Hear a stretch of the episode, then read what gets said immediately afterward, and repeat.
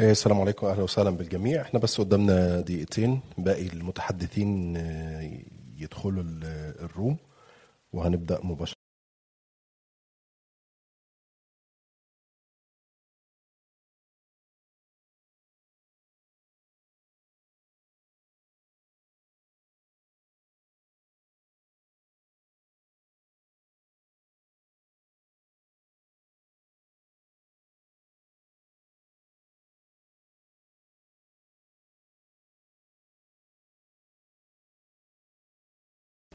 إذا ممكن لحد باقي المتحدثين بس ما يشاركونا لو ننشر نعمل ريتويت أو نشير ال- الحلقة على فيسبوك على تويتر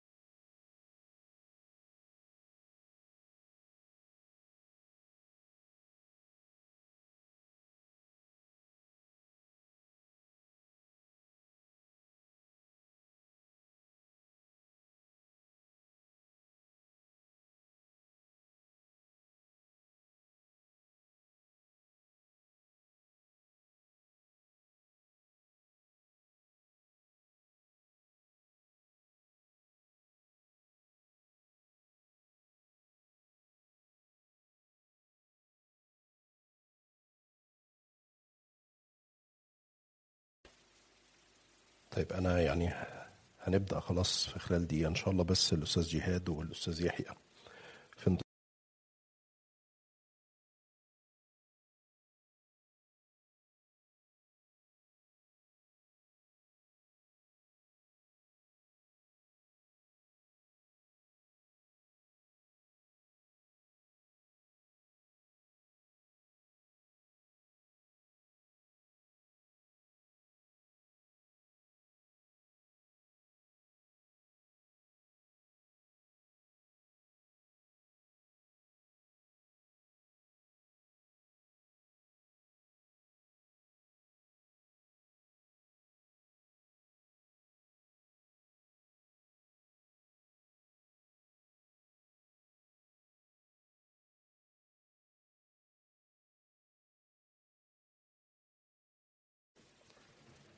طيب لحد ما ينضم لنا باقي المتحدثين السلام عليكم ورحمة الله وبركاته. أهلا وسهلا بالجميع في حلقة جديدة من بودكاست آخر كلام مع أسامة جويش. بالتأكيد لا حديث يعلو فوق حديث الحرب الروسية الأوكرانية. تطورات يومية الحقيقة تطورات كل ساعة كل لحظة في أخبار عاجلة على كل مواقع الأخبار بكل اللغات تقريبا. هتدخل أي موقع لو أنت بتتقن أي لغة هتلاقي ال breaking news أو الأخبار العاجلة الشريط الأحمر كله.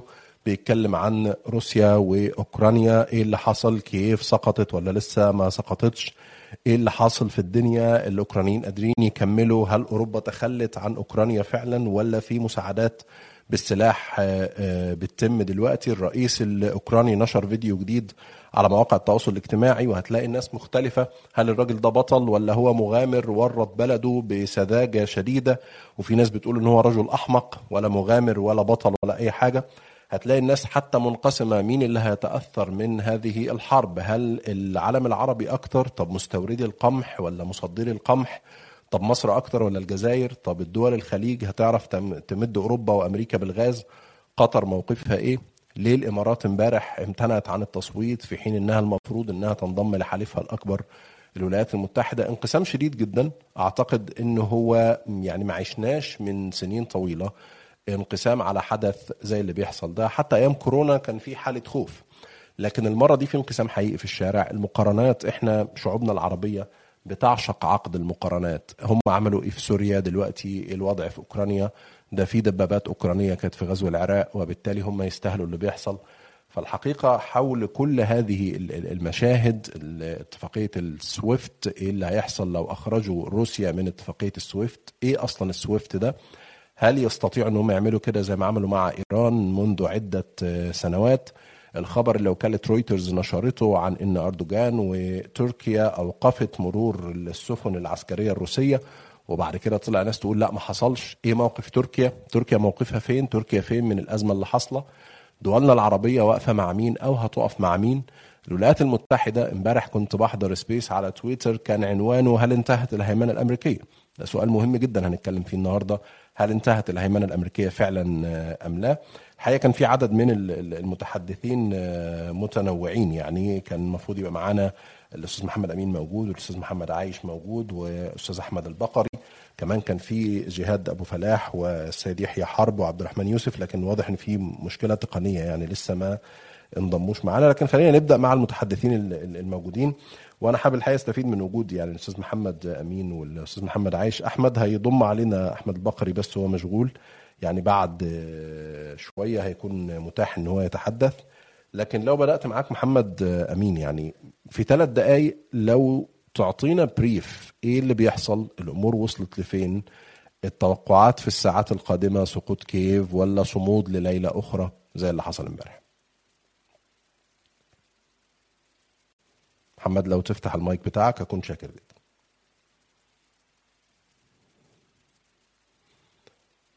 أستاذ محمد أمين لو تفتح المايك بتاعك بس لأنه واضح إن الصوت مقفول. طيب لحد ما نشوف الصوت مع محمد لو الاستاذ محمد عايش لو نبدأ معاك لو تفتح المايك بتاع حضرتك وتتفضل مساء الخير لكم جميعا ويعطيكم العافية وأشكرك على هذه يعني الموضوع الساخن هذا. يعني الواضح أمامنا حتى هذه اللحظة إنه روسيا تتجه للسيطرة على أوكرانيا بشكل كامل. العملية العسكرية ليست عملية محدودة وإنما هي اجتياح كامل للأراضي الأوكرانية. العاصمة كييف تحت الحصار الروسي وبالتالي ستسقط خلال أيام وربما خلال ساعات. المقاومة الأوكرانية أقل مما كان متوقعا ليس أكثر مما كان متوقعا إنما كانت إن إنما هي أقل. بسبب أنه إحنا بنتحدث أو أوكرانيا نفسها تحدثت عن أنه الآن موجود أكثر من مئة ألف جندي روسي داخل أراض داخل أراضيها. وبالتالي إحنا أمام اجتياح لم يواجه الكثير من المتاعب والمشقات.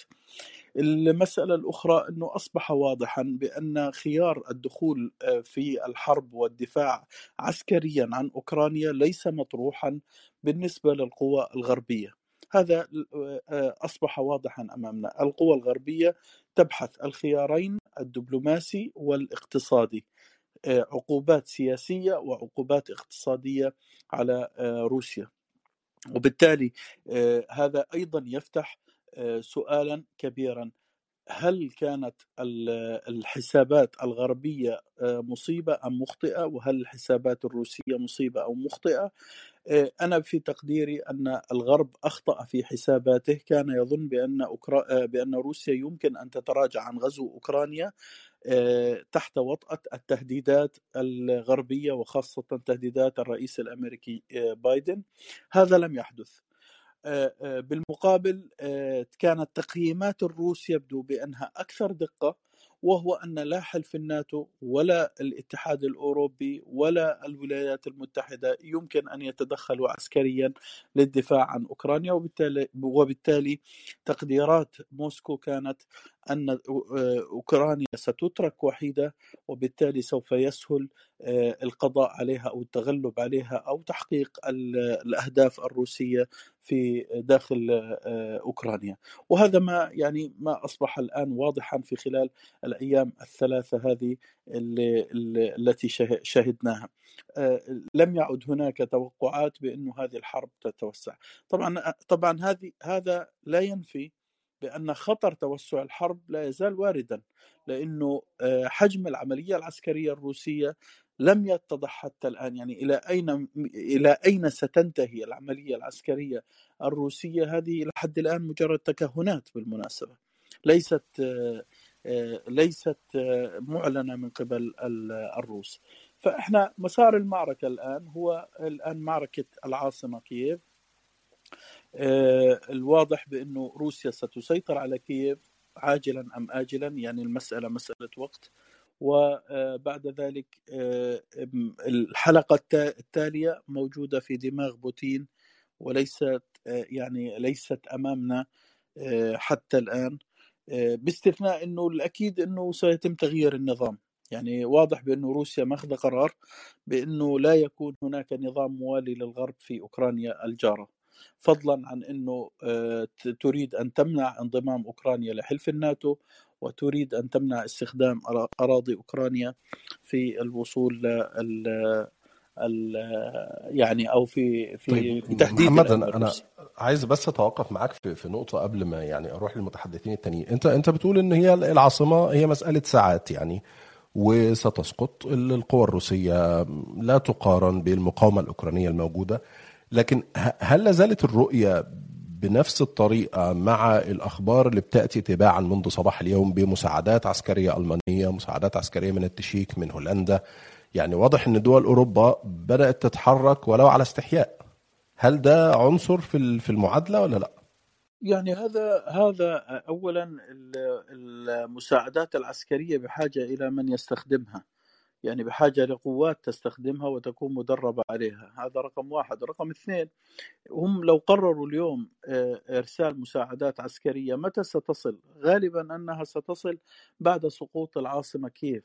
إذا كان إذا كانت هذه هذه بحاجة لوقت.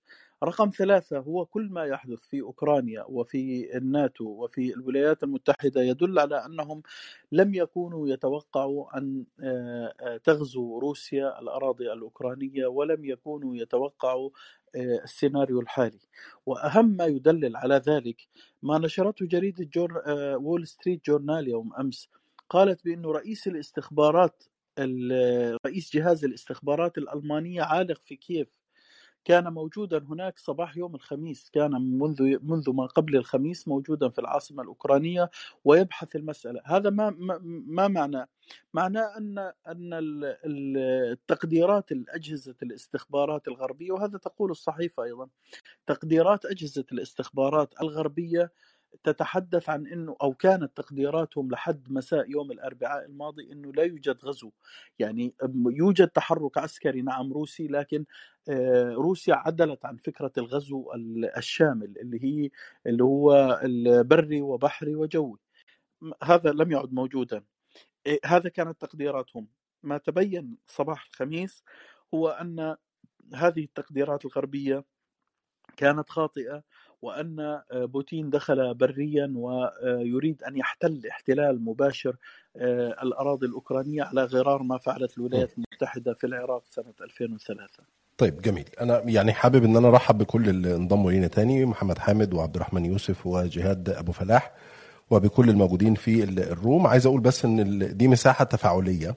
فأي حد من المستمعين حابب إنه يشارك سواء بمداخلة أو بسؤال لأحد المتحدثين أو بتعليق في زرار على اليمين تحت شبه السماعة اسمه call لو ضغطت عليه بت بت يعني بتبقى موجود في طابور انتظار كده اسمه callers queue وبتاخد الفرصة إنك تشارك سواء بتشتبك مع الكلام اللي بيتقال أو لو عندك إضافة أو سؤال. أنا حابب كل واحد من المتحدثين لو نبدأ يعني بدأنا مع محمد عايش لو كل واحد في ثلاث دقائق يعطينا رؤيته عن المشهد دلوقتي ما بين روسيا وأوكرانيا وبعدين في محاور كتير الحقيقة إحنا محتاجين نتكلم فيها زي ما قلت ردود الفعل الأوروبية والولايات المتحدة الأمريكية اتفاقية سويفت وهل في إمكانية فعلا إن روسيا تخرج منها أو لا العنوان العريض الحقيقة الناس كلها بتتكلم فيه. هل العقوبات الاقتصادية هي رادع حقيقي لدولة مثل روسيا ولشخص مثل الرئيس الروسي فلاديمير بوتين أم لا؟ فخلينا ننتقل إلى محمد أمين. تفضل يا محمد. مساء الخير اسامه مساء الخير الزملاء شكرا جزيلا على الاستضافة وبعتذر في البداية ما كنتش بسمع النقاش لكن عموما كبسولة سريعة. الحقيقة إنه سمعت يمكن آخر كلام الأستاذ محمد عايش آه، فيما يتعلق بالتقديرات الغربية حول حدوث غزو أم آه، أم عدول الغرب. عنه وأنا بظن أنا أختلف في هذه الجزئية تحديدا. أعتقد إنه الغرب كان منذ اليوم الأول يتحدث عن غزو قريب وكانت الأقمار الصناعية الأمريكية ترصد كل تحركات الروس وكانت كل التقارير الاستخباراتية. ومنها أنا أذكر قبل ما يقارب آه، ثلاث أسابيع من بدء الغزو كان هناك تقرير استخباراتي بريطاني يتحدث عن خطة شاملة لفلاديمير بوتين لغزو أوكرانيا وتغيير نظام الحكم وقال إنه يسعى لتنصيب حكومة دوما. وبالتالي نعتقد أن التحركات الروسية اليوم ليست مفاجأة للغرب بالعكس تماما وإنما آه، كانت هناك آه، يعني آه، توقعات لهذا الغزو وأنه سيحدث في بين ليلة وأخرى وكان هناك حديث أمريكي مستمر وكان هناك استهزاء بالتقارير الأمريكية. تبين اليوم أنه التقارير الأمريكية كانت صحيحة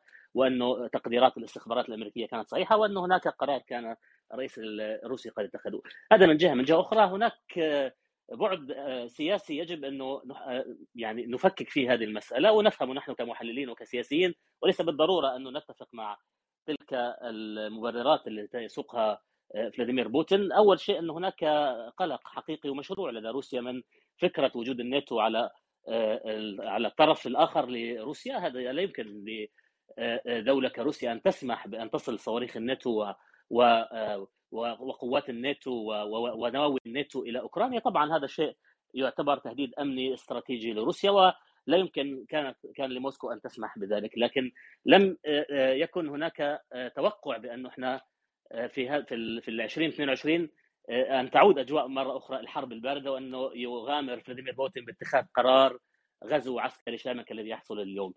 هناك مبررات ومخاوف أمنية مشروعة لدى الروس وهناك تقدير روسي بأنه إذا آه، سمح لأوكرانيا بالانضمام إلى حلف الناتو فإنه هذا سيشكل بداية آه، لانتقال الحرب إلى عواصم إلى إلى شوارع موسكو وأن تضع آه، موسكو رقبتها بين يدي الناتو إلا إنه أنا بتقديري إنه كان هناك خيارات أخرى.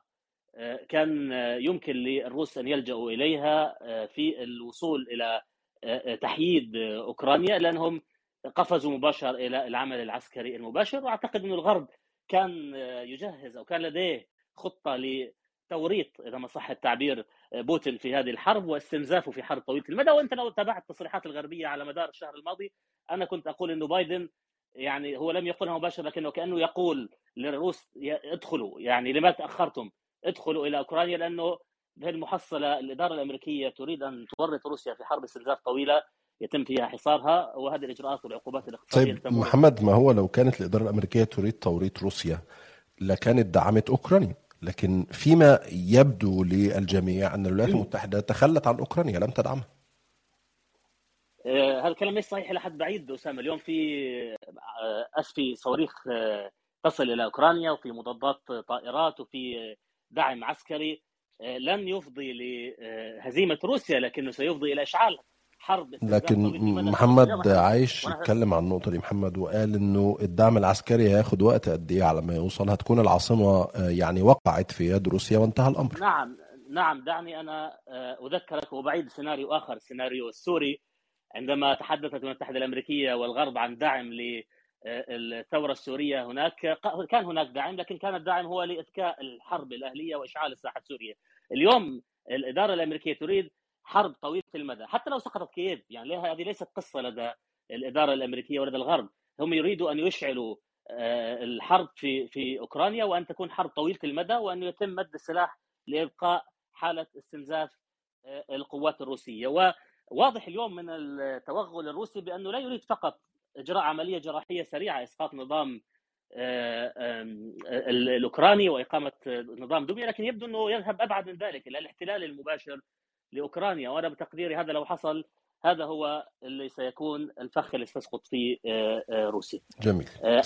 حتى لا أطيل خليني أنهي أسامة أقول فضل. بس في بعد آخر، في بعد آخر هو بعد أخلاقي خلينا نقول هناك من يعني يفرح ويطبل لهذا الغزو، أنا موقفي الأخلاقي كصحفي وكإعلامي أنه هذه حرب بشعة يقوم فيها بوتين ضد دولة جارة وهو يقوم ب استعمال القوة لفرض الإرادة آه، آه، إرادته في هذه الدولة وإحنا فأنا من حيث المبدأ أنا أقف على ضد هذه الحرب وضد هذه أو استعمالها بهذه الطريقة وهذه الوحشية التي يقوم بها بوتين واعتقد في المحصلة بأنه نحن علينا أنه ندين أي حرب وأي عمليات عسكرية تفضي إلى كوارث إنسانية كالتي نشاهدها الآن على شاشة التلفاز. أعتقد إن ده محور مهم لأن أنا زي ما قلت في مقدمة الحلقة في انقسام حقيقي حتى ما بين النخب في العالم العربي حول ردود الفعل عن الحرب الروسية. في ناس بتتكلم عن موقف مبدئي زي ما محمد أمين بيقول إنه لا أنا كصحفي لازم أرفض الحرب وأرفض هذا. وفي ناس بتقول إنه لا يا جماعة اللي بيحصل ده حق روسي أصيل وبالتالي الانتقادات لروسيا ليست بالحدة الكافية وليس هناك دعم كبير للجانب الأوكراني. المحور ده هنتكلم فيه أكيد بالتفصيل لكن خلينا أرحب مرة تانية بالمتحدثين اللي انضموا لنا السيد يحيى حرب وجهاد أبو فلاح وعبد الرحمن يوسف ومحمد حامد.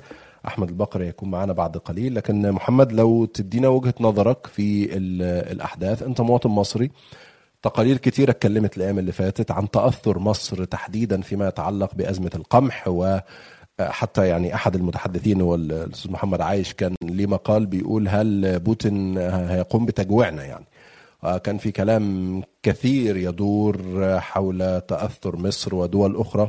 من أزمة القمح لأن مصر أكبر مستورد للقمح في العالم. رؤيتك يا محمد اللي بيحصل في الأيام الثلاثة اللي فاتوا. اتفضل. لحضرتك وشكرا إن اديتني الفرصة أتكلم معاكم وشكرا لكل الناس اللي على المساحه المحترمة ديت. بتكلم عن الموقف المصري. حتى الآن أو بيان الخارجيه المصرية تحدث عن حياد تام. ولكن في رايي المتواضع أن هذا الموقف مع مع الأيام المقبلة ومع التمدد الروسي في الأراضي الأوكرانية سيتغير ويميل للكفة الأمريكية والأوروبية والأوكرانية للمشهد وهو دعم الرواية الأمريكية للحدث ورفض التدخل الروسي في أوكرانيا بأنه مخالف للقانون الدولي وغزو لدولة ذات سيادة وكل هذه الأمور التي نعلمها جميعا. أما أزمة القمح هو يعني مصر في الفترة الأخيرة بدأت تزرع مزيد من القمح داخليا ولكن ما زالت تستورد نصف يعني احتياجها من القمح من أوكرانيا وروسيا وستتجه للأسف لفرنسا والولايات المتحدة وكندا ويعني كان هناك اتصال بين الرئيس المصري والرئيس الكازاخي فقد يكون أيضا القمح من كازاخستان له دور في سلة الغذاء المصري. ولكن أنا لو لجأت لقمح أغلى ومن دول رئيسة لديها إملاءات لديها تاريخ في الإملاءات وانتقادات للنظام الحالي هتكون ورقة ضغط عليا. هرجع أقول لأمريكا والنبي اديني قمح. هرجع أقول لفرنسا والنبي اديني قمح. هقول للكندا والنبي ده فيقول لك لا فين حقوق الإنسان؟ فين الديمقراطية؟ فين حرية التعبير؟ فين حرية التجمع السلمي؟ وما إلى ذلك من الأمور التي تردد دائما على مائدة التفاوض المصرية مع يعني قصدك قصدك إن إحنا مش هنجيب قمح منهم عشان ما يكلموناش عن حقوق الإنسان. لا هنجيب بس هنضطر نسمع كلامهم بقى. ممكن نضطر هنا نسمع كلامهم. لأن أنا أرخص قمح وما بيقوليش بتعمل إيه وبيه هو أوكرانيا وروسيا. أنا بقول لك ده توقعي الشخصي يا أستاذ يا دكتور أسامة إن والله أنا هبقى أنا مش هبطل أشتري قمح أنا لازم المواطن المصري يلاقي رغيف العيش. وآه ممكن يحصل رفع عن الدعم ممكن يبقى سعره يعلى على على العيش تحديدا وده هيكون طبعا أثر سلبي على المواطن المصري. لكن أنا هضطر أروح لدول لديها إملاءات وأنا في حاجة أنا دولة متحكمة في سوق القمح العالمي لأني أكتر دولة بشتري قمح. ولكن ممكن يتم مساومتي بشكل أو بآخر. لأن يعني إيه إحنا بنقول أوكرانيا أو الحرب الأوكرانية الروسية دي هتغير وجه العالم ستسقط أنظمة وتبقي أنظمة. آه العالم تغير للأبد يعيدنا للحرب العالمية الثانية سور برلين آه أوكرانيا الشرقية أوكرانيا الغربية كل التحليلات دي طلعت في الثلاث أربع أيام اللي فاتوا. طب اثرها إيه على المنطقة العربية؟ ما ده من ضمن الآثار إن أكيد في مستفيدين كثر ومنهم إدارة ترامب رغم أنها يعني جرت أوكرانيا إلى الحرب ودفعتها دفعا وتخلت عنها ولكن لديها مكاسب جيوستراتيجية من هذه الحرب سواء من من. من من يعني من أوكرانيا وروسيا مباشرة أو إن هي بتضغط على دول خليجية دول في شمال أفريقيا ستس... ستستفيد من هذه الأزمة. وده رأيي أتمنى أكون غطيت كل ال... جميل. أشكرك. هنرجع تاني بالتأكيد نتكلم. وطبعا المساحة مفتوحة حتى للمتحدثين. يعني اللي حابب إن هو يعلق على كلام متحدث آخر أو آه، يتقاطع معاه في في نقطة يعني المجال مفتوح يعني بحيث بس الموضوع يبقى فيه تفاعل أكتر. أحمد البقري لو موجود معانا حابب أسمع وجهة نظرك يا أحمد في آه، في النقطة الأخيرة اللي قالها محمد حامد إنه إحنا ك كنظام مصري آه آه، في تأثر طبعا لكن في بدائل. والبدائل دي هتكون متاحة يعني مش أزمة كبيرة ممكن تعيشها مصر نتيجة ال- الحرب الروسية الأوكرانية. اتفضل يا أحمد. أهلا بك دكتور أهلا وسهلا. بالسادة المشاركين معنا سواء الضيوف أو المستمعين. الحقيقة لا أنا بختلف مع محمد اختلاف جزئي. يعني أولا أنا بشوف أنه الموقف المصري الحالي هو موقف ضعيف بيعبر عن النظام الحالي الموجود حاليا في مصر. يعني لا أفهم كيف أن تكون مصر على الحياد في أزمة يعني العالم كله أخذ أخذ فيها موقف واضح. خاصة نحن نتحدث عن آه، دولة بتحتل دولة أخرى يعني ما فيهاش ما فيهاش كلام. يعني يعني مثلا الأتراك لديهم علاقات جيدة جدا مع الروس ولديهم تشابك أكثر مننا كمصر ومتشاركين معهم في نقاط التماس آه، كبيرة. هناك بيان واضح من الخارجية التركية من الرئيس. يعني واضح إنه مع الناتو مع الأمريكان بل بالعكس إنه أردوغان ذهب بعيدا وقال إنه الغرب لم يكن لديه موقف واضح وحاسم تجاه روسيا لكن الموقف المصري على مستوى رأس الدولة السيسي لم يتحدث. بل خرج آه، في يوم الحرب آه، في مشهد غريب جدا آه، في كلمة بيقولها عن تغير المناخي. فجأة كده الناس كلها بتتكلم عن غزو والدنيا مقلوبة والسيسي بيتكلم عن كلمة تغير مناخي راح بعدها الكلية الحربية أيضا لم يتطرق إلى شيء. وبالتالي نحن أمام نظام ضعيف آه، لن يستفيد شيء لأن هو ليس لاعب رئيسي في هذا الموضوع. وبالتالي هو منتظر على أين آه، سترسي آه، سترسي المركب. فإن ذهبت يمينا فهو معها يمينا وإن ذهبت يسارا فهو معها يسارا. في الحقيقة في كلتا الحالتين هو سيضار آه، ضرر كبير جدا. ليه؟ لأنه لو انحاز إلى الروس آه، الأمريكان والأوروبيين لن آه، يرحموه وإذا انحاز للأمريكان والأوروبيين فالروس لن يرحموه. فده موقف هزيل يعبر عن مدى هشاشة هذا النظام. ال- بالنسبة بالنسبة لنا إحنا هذه الأزمة كعرب الحقيقة إنه موقف العرب فيها موقف مخزي. ليه؟ لأنه لا يوجد م... لا يعني ال- الأوروبيين مثلا عندهم موقف. لا يوجد يعني ما فائدة ما تسمى الجامعة العربية. فلتحل هذه الجامعة العربية يعني هذه المصاريف التي تصرف بالمليارات سنويا على مرتبات أحمد أبو الغيط أمين عام الجامعة العربية وغيره. عايز أقول لك على حاجة من دون ما قطعت حضرتك آه، إن الاتحاد الأفريقي علق والجامعة العربية لم تعلق يعني دي مفارقة ما تسلم يا محمد. فبالتالي ال- ال- هذا الكيان الهش لأنه هذه آه، آه، آه، المنطقة العربية للأسف يحكمها أنظمة هي أنظمة يعني ضعيفة هشة. الآن الجامعة العربية أصبحت آه، يعني لا قيمة لها. ليه؟ لاننا نتحدث عن العالم العربي أصبح عالم محاور. الإمارات والسيسي والسعودية في محور آه، تونس وكذا في محور. وبالتالي لم يعد للعرب قيمة. وبالتالي نحن أمام أزمة يعني ما آه، سيفرض على الأجندة الدولية. يعني نحن أمام ملعب كرة. حتى ملعب حتى المدرجات بتاعت المتفرجين لم نعد موجودين فيه. وده يعود مرة ثانية يا دكتور أسامة إلى حالة البؤس العربي اللي نتج عنها ثورات ال- الثورات المضادة التي أضعفت الجسد العربي. يعني م. في عهد الأنظمة البائدة السابقة كان الجسد العربي شكل يعني حتى كان جسدا مريضا لكن كان له شكل. الآن نحن أمام جسد ميت متهالك يعني آه، يعني صلوا عليه الجنازة. طيب جميل. وبالتالي يعني أنا لا أرى إنه هؤلاء مست... لا بالعكس. نحن ننتظر آه، ماذا ما سينتج عن هذه اللعبة والتي آه، يتم رسمها بشكل دقيق. يعني الأمريكان يلاعبون الروس والر- والروس يلاعبون الأمريكان وبالتالي نحن في موقف المتفرج. يعني لا نملك شيئا. لا يعني حتى برضو مفارقة عجيبة جدا إنه ال- ال- الرئيس الأوكراني آه، في طيلة هذه الأيام الحرب لم يتصل إلا برئيسين من اثنين رؤساء من منطقة الشرق الأوسط. اتصل بأردوغان اليوم. واتصل بأمير قطر. لم يتصل بأي حاكم عربي ولا بأي حاكم إفريقي. وده دلالته إيه من و- وجهة نظرك؟ ما في يعني دلالته إن الناس دي مش شايفانا إحنا مش موجودين على الخريطة. مدى تأثيرنا ليس له أي قيمة. يعني اليوم الرئيس الأوكراني بيشكر أردوغان على دوره في محاولة فتح حوار مع الروس. وكذلك الأمر بالأمس الرئيس ال ال ال ال ال الرئيس الأوكراني اتصل بأمير قطر. اليوم أيضا اتصالات مع وزراء الخارجية. لم يجرى أي اتصال أي مسؤول عربي واحد آه، مع أي مسؤول دولة طيب غربية. أحمد أنا أنا عايز. يعني أقف معاك في النقطة دي وأروح بس لجهاد أبو فلاح طالما فتحنا الملف العربي خلينا نبدأ بيه لأن هو محور مهم الحقيقة ويمسنا كلنا بشكل مباشر يعني جهاد فكرة إن إحنا بلا قيمة معسكر كم مهمل في آه، حرب مثل التي تدور الآن. والنقطة اللي قالها أحمد أنا يعني عايز أبدأ معاك بيها. فكرة إنه رئيس أوكرانيا لما حب يتصل اتصل بأردوغان وأمير قطر وبالتالي بقية الدول العربية لا قيمة لها في آه، هذه الحرب. هل متفق مع التحليل بالشكل ده عن قيمة الدول العربية وتأثيرها في المشهد؟ بشكرك آه، أسامة يعني ولا تحية آه، المشاركين والزملاء.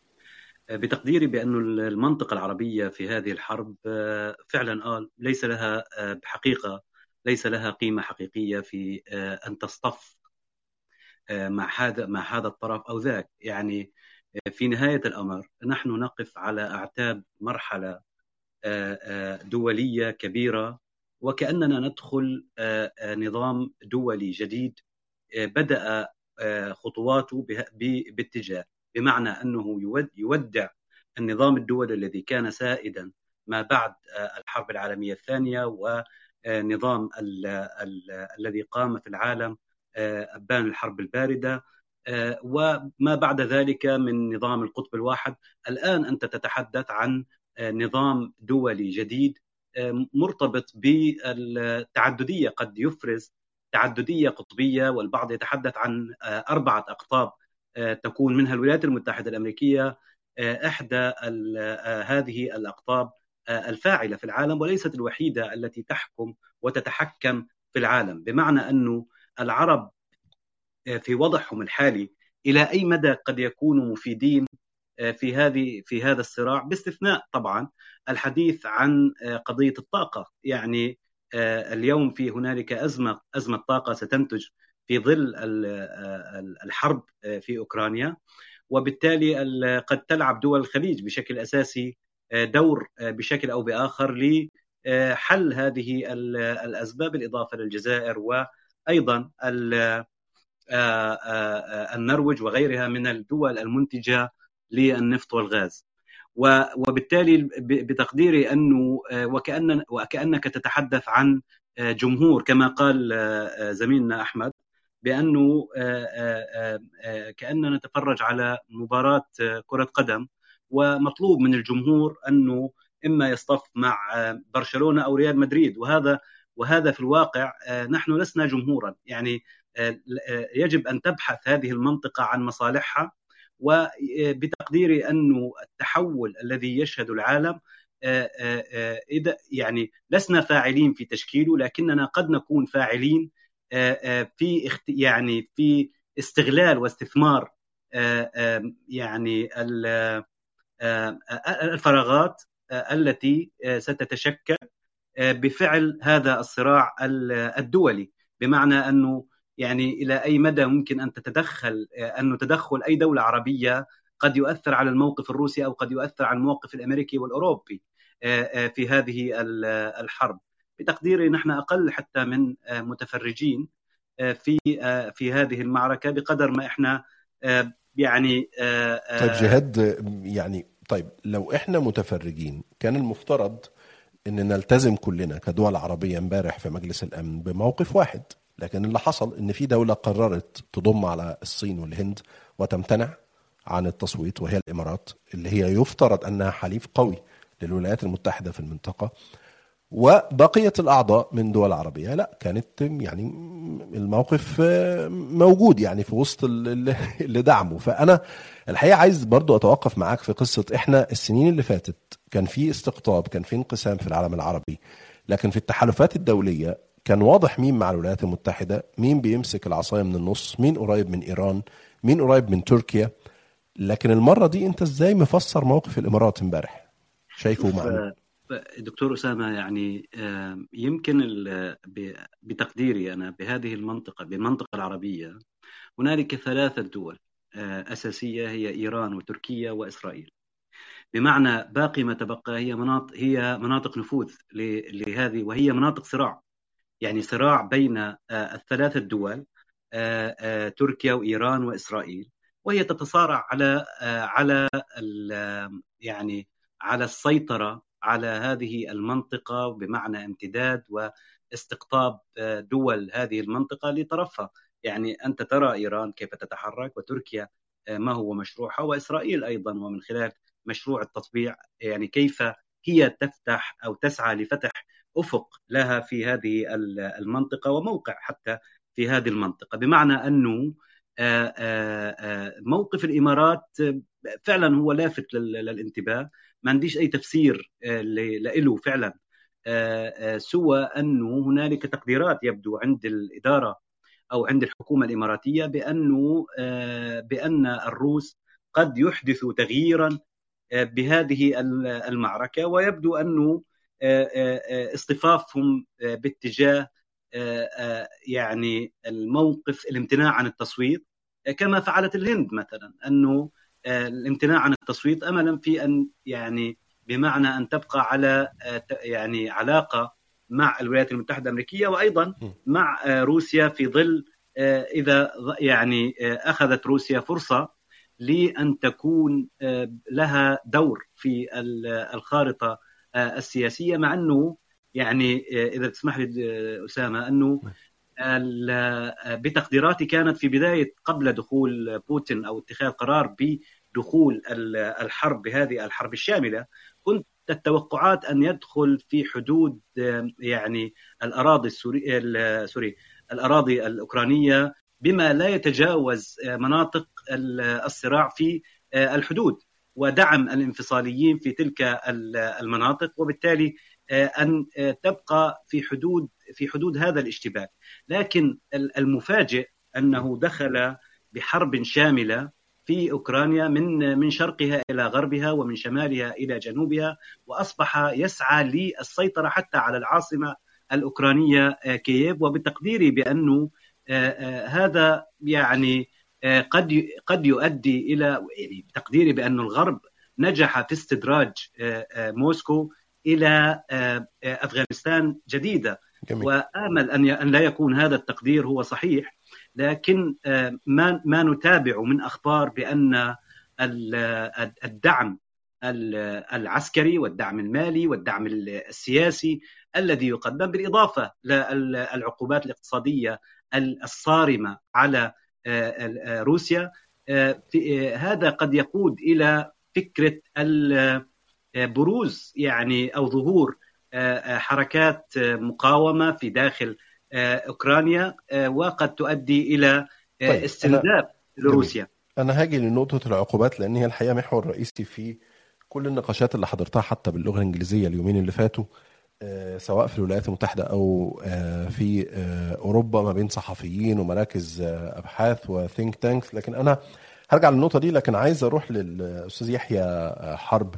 الحقيقة محمد أمين قال قال جملة مهمة قوي يا أستاذ يحيى في في مداخلته وهي فكرة إن إحنا كصحفيين أو كنخب من المفترض إن يكون لنا موقف مبدئي برفض العدوان الروسي على أوكرانيا برفض الجرائم اللي بتحصل.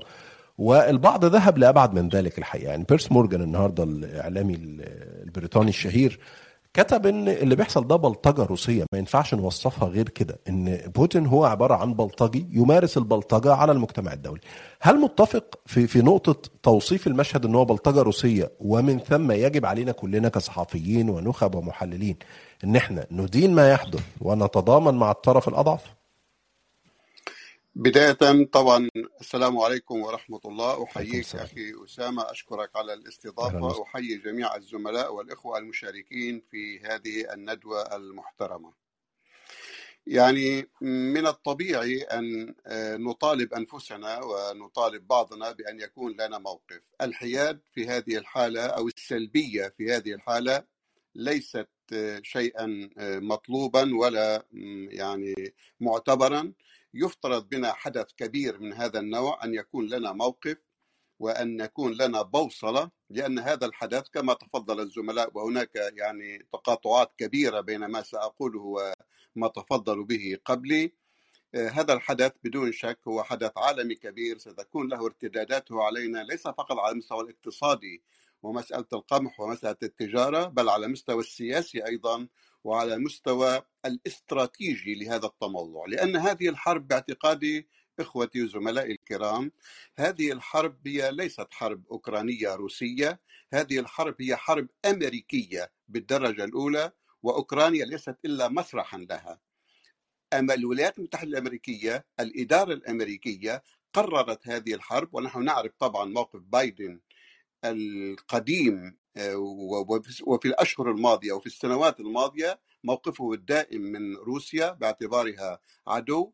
هناك المجمع الصناعي العسكري آه، في الولايات المتحدة الأمريكية الذي يحتاج إلى عدو كما هي فلسفة الأمريكيين المعروفة ويعتبرون أن روسيا هي العدو الأمثل في هذه المرحلة. هناك حالة استعداء. هناك مكاسب حقيقية أو أهداف حقيقية للولايات المتحدة الأمريكية. أعتقد من هذه الحرب التي لا تستهدف فقط روسيا باعتبارها عدو ومنافس في أكثر من ساحة ليس فقط في الشرق الأوسط بل في أفريقيا أيضا حيث هناك العديد من الساحات التي بدأت تتوسع فيها آه، روسيا كنفوذ ومناطق سيطرة. ليس هذا فقط ليس ضد روسيا بل أيضا وبالدرجة الأولى ضد أوروبا نفسها. هذه الحرب هي ضد أوروبا نفسها. الولايات المتحدة الأمريكية وأعتقد الزملاء يعرفون الكثير من الصورة آه، مثلي كانت هناك نوع من النزعة الاستقلالية أو التفلت من الهيمنة الأمريكية في السنوات الماضية ساعد في هذا الاتجاه السياسات الترامبية. ترامب نفسه ساعد في هذا الاتجاه كونه كان يعتمد مبدأ إهمال أوروبا وعدم اعتبارها شريك متكافئ للولايات المتحدة الأمريكية والتفرد بقيادة العالم واعتبار الآخرين نوع من التبعية له. الهدف الأساسي للإدارة الأمريكية من هذه الحرب التي جرت إليها روسيا التي استطاعت أن يعني فعلا آه، توقع روسيا في هذا الفخ وطبعا وهناك شواهد عملية على ذلك. الهدف الأساسي للولايات المتحدة الأمريكية هو اولا إعادة وحدة الناتو الناتو واعتباره صلب الاستراتيجية والسياسة الغربية. بعد أن أصبحت هناك مصالح بعد أن اصبح الاتحاد الأوروبي خروج بريطانيا من الاتحاد الأوروبي هناك نوع من التفكك بالتحالف الغربي. ارتأت الولايات المتحدة الأمريكية أن يكون هذا التحالف قائم على أساس هذا الناتو. اعتبار الناتو هو الأساس وإعادة تماسكه. وبالفعل الآن نجد أن آه، يعني هناك إعادة تماسك هناك إعادة ثقة بدور الناتو. واعتباره أساس للسياسات الغربية. هو ده صحيح يا أستاذ يحيى لكن في تهديدات روسية أيضا إن السيناريو في أوكرانيا ممكن يتكرر مع السويد يتكرر مع فنلندا تحت مظلة الرغبة في الانضمام للناتو. نعم صحيح آه هذه المخاوف مثارة أنا لا أعتقد شخصيا ولا طبعا يعني يمكن أن النقاش في ذلك لا أعتقد أن روسيا لديها هذه الطموحات الكبيرة حتى الآن هذا نوع من الإعلان هذا التضخيم الاعلامي لدور روسيا من أجل شيطنة روسيا. نحن نعرف الإعلام الأمريكي عند عندما يستهدف دولة كيف يشيطن رئيسها كيف يظهره بمظاهر تضخيم الأحداث. وطبعا بدءا من صدام حسين وانتهاء بمعمر القذافي ويعني كل هؤلاء الزعماء. طبعا مع الاحترام لأشخاصهم نحن لا نهين احدا. كيف أنهم ضخمت أدوارهم شيطنوا استفيد من بعض الأخطاء التي ارتكبوها وضعت عليهم اتهامات أكبر بكثير من أدوارهم وأحجامهم لتبرير العدوان عليهم. المسألة الأساسية هي استعادة أوروبا إلى الحضن الأمريكي، يجب أن تبقى أوروبا في الحضن الأمريكي ولا يمكن أن يتم ذلك إلا عبر الخوف، التخويف، التخويف من عدو وهذا نعم. العدو يجب أن يكون روسيا وروسيا حتى تكون عدو يجب أن تحتل أوكرانيا. ولهذا فهي عملت أمريكا جاهدة لكي تحتل لكي تدخل روسيا إلى آه، إلى أوكرانيا. طيب يعني إحنا إحنا اذا أمام أنا أنا أريد أن أتوقف معكم لأن إحنا معنا صحفي وهو يغطي يعني أخبار البيت الأبيض أيضا عبد الرحمن يوسف من من واشنطن. فخليني أنتقل لي في النقطة دي تحديدا يا أستاذ يحيى وارجع لك تاني. نعم. عبد الرحمن يعني أنا سمعت التحليل ده كده مرتين أو ثلاثة منذ بداية النقاش. وكأن أمريكا هي اللي ورطت روسيا في الحرب وكأن أمريكا هي من تدير خيوط اللعبة. لكن متابعة التقارير الأمريكية متابعة القنوات الأمريكية لا. يعني هم مش شايفين الصورة بالشكل ده. في انتقادات لل- لل- للرئيس بايدن في اتهامات إن هو ما تدخلش بالقدر الكافي. في اتهامات إن هو بيما يعني حتى دونالد ترامب دخل قال أنا لو كان في عهدي ما كانش حصل الكلام ده ولم تكن روسيا تجرؤ إن هي تقوم بعمل زي ده.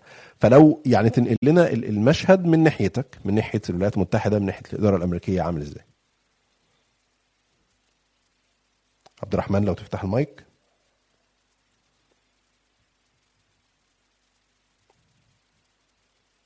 عبد الرحمن بس تفتح المايك لأن إحنا مش قادرين نسمع صوتك. طيب لحد ما عبد الرحمن يظبط مشكلة الصوت. آه سامع آه. كده؟ آه كده مسموع. أهلا آه، وسهلا. معلش اصل أول مرة أستخدم الاب أنا اسف ولا يهمك ولا يهمك. اتفضل. آه بس في حقيقة الأمر يعني الولايات المتحدة الأمريكية مسألة الانقسام اللي فيها بيخلي مسألة ال- التحليل المنطقي والعقلاني آه، مش دايما بهذا الوضوح بمعنى إنه في حالة من المزايدة آه، بشكل رئيسي على الديمقراطيين وعلى بايدن سواء من ترامب أو من بعض آه، الناس الأكثر ربما يمينية زي عضو هنا في الكونجرس في إنديانا. آه، كان امبارح يعني ليه يعني كان مستضاف في في بودكاست وكان بيتكلم في كلام مزايدات يعني تحسها إن هي جاية من خبير استراتيجي مصري. فبالتالي مسألة ال ال ال يعني تقييم تصريحات ترامب أو تقييم التصريحات ال- الجمهوريين فيها بعد من أبعاد المزايدة ناتج لمسألة الانقسام ال- الكبيرة اللي موجودة في الولايات المتحدة الأمريكية. وبالتالي أنا لا أعول عليها فيما يتعلق ب يعني آه، آه، يعني جدية القول فيها. دي نقطة. بالنسبة للولايات المتحدة الأمريكية طبعا الولايات المتحدة الأمريكية في العموم الكل على قلب رجل واحد إنه آه، آه، آه، روسيا والصين بين قوسين أعداء. يعني دي دي ما فيش خلاف عليها. هو الخلاف والمزايدة مين كان يتصرف أحسن المفروض نعمل إيه المفروض تدخل في حرب ولا لأ. آه، إحنا عندنا آه، قوة رادعه يعني لقينا حتى ناس الصقور في الحزب الديمقراطي زي بوب مينينديز اللي هو رئيس لجنة العلاقات الخارجية في مجلس الشيوخ وهو راجل صقر ديمقراطي يعني مش مش حمائي الديمقراطيه آه، كان بيتكلم من زمان من حوالي ثلاث أيام. آه، كان بيتكلم على فكرة آه، آه، إخراج روسيا من نظام السويفت ووضع عقوبات آه، أكثر غلظة وما إلى ذلك. بالنسبة لإدارة آه، بايدن هي بتحاول تشوف ت- تصدر يعني صورة إن هي حتى النهارده كان ليه حديث اتكلم فيه على إنه إحنا بنجنب العالم حرب نووية وهو كان بيرد على ال- الفكرة أو الانتقاد الرئيسي إنه ليه ما بتتدخلوش بنفسكم يعني آه، وليه العقوبات آه، آه، بطيئة طبعا العقوبات اللي امبارح زادت بقوة أكبر لكنها بدأت في أول يومين أو أول ثلاث أيام آه، غير مؤثرة على عصب الاقتصاد الروسي وخاصة إن هي عقوبات ثلاث القطاع المالي لم تطع لم تطل آه، آه، لم تطال قطاع النفط والطاقة وهو القطاع الأهم بالنسبة لروسيا وبرضه لم يشملها السويفت. دول النقطتين الأبرز فيما يتعلق آه، عقوبات لأن الإشكالية الرئيسية في اللي بيحصل هو مسألة الوقت. انت ممكن تنفذ عقوبات وحتى ده آه، كان في المؤتمر اللي كان في آه، يوم ما روسيا دخلت كان الخميس. آه، بايدن رد على سؤال مراسل اسوشيت بريس أو وكالة أنباء تانية أمريكية برضو. أعتقد ممكن بلومبرج آه، يعني رد على مسألة العقوبات قال ان وقال النهارده الكلام ده. قال في فرق بين العقوبات وآثار العقوبات. آه، لكن هو كان بيأكد على فكرة إن العقوبات ديت هتقوض الاقتصاد الروسي وهتخلي روسيا تشعر بالألم وما إلى ذلك. آه، لأن الكل كان بيتكلم على عقوبات ناجزة وناجعة.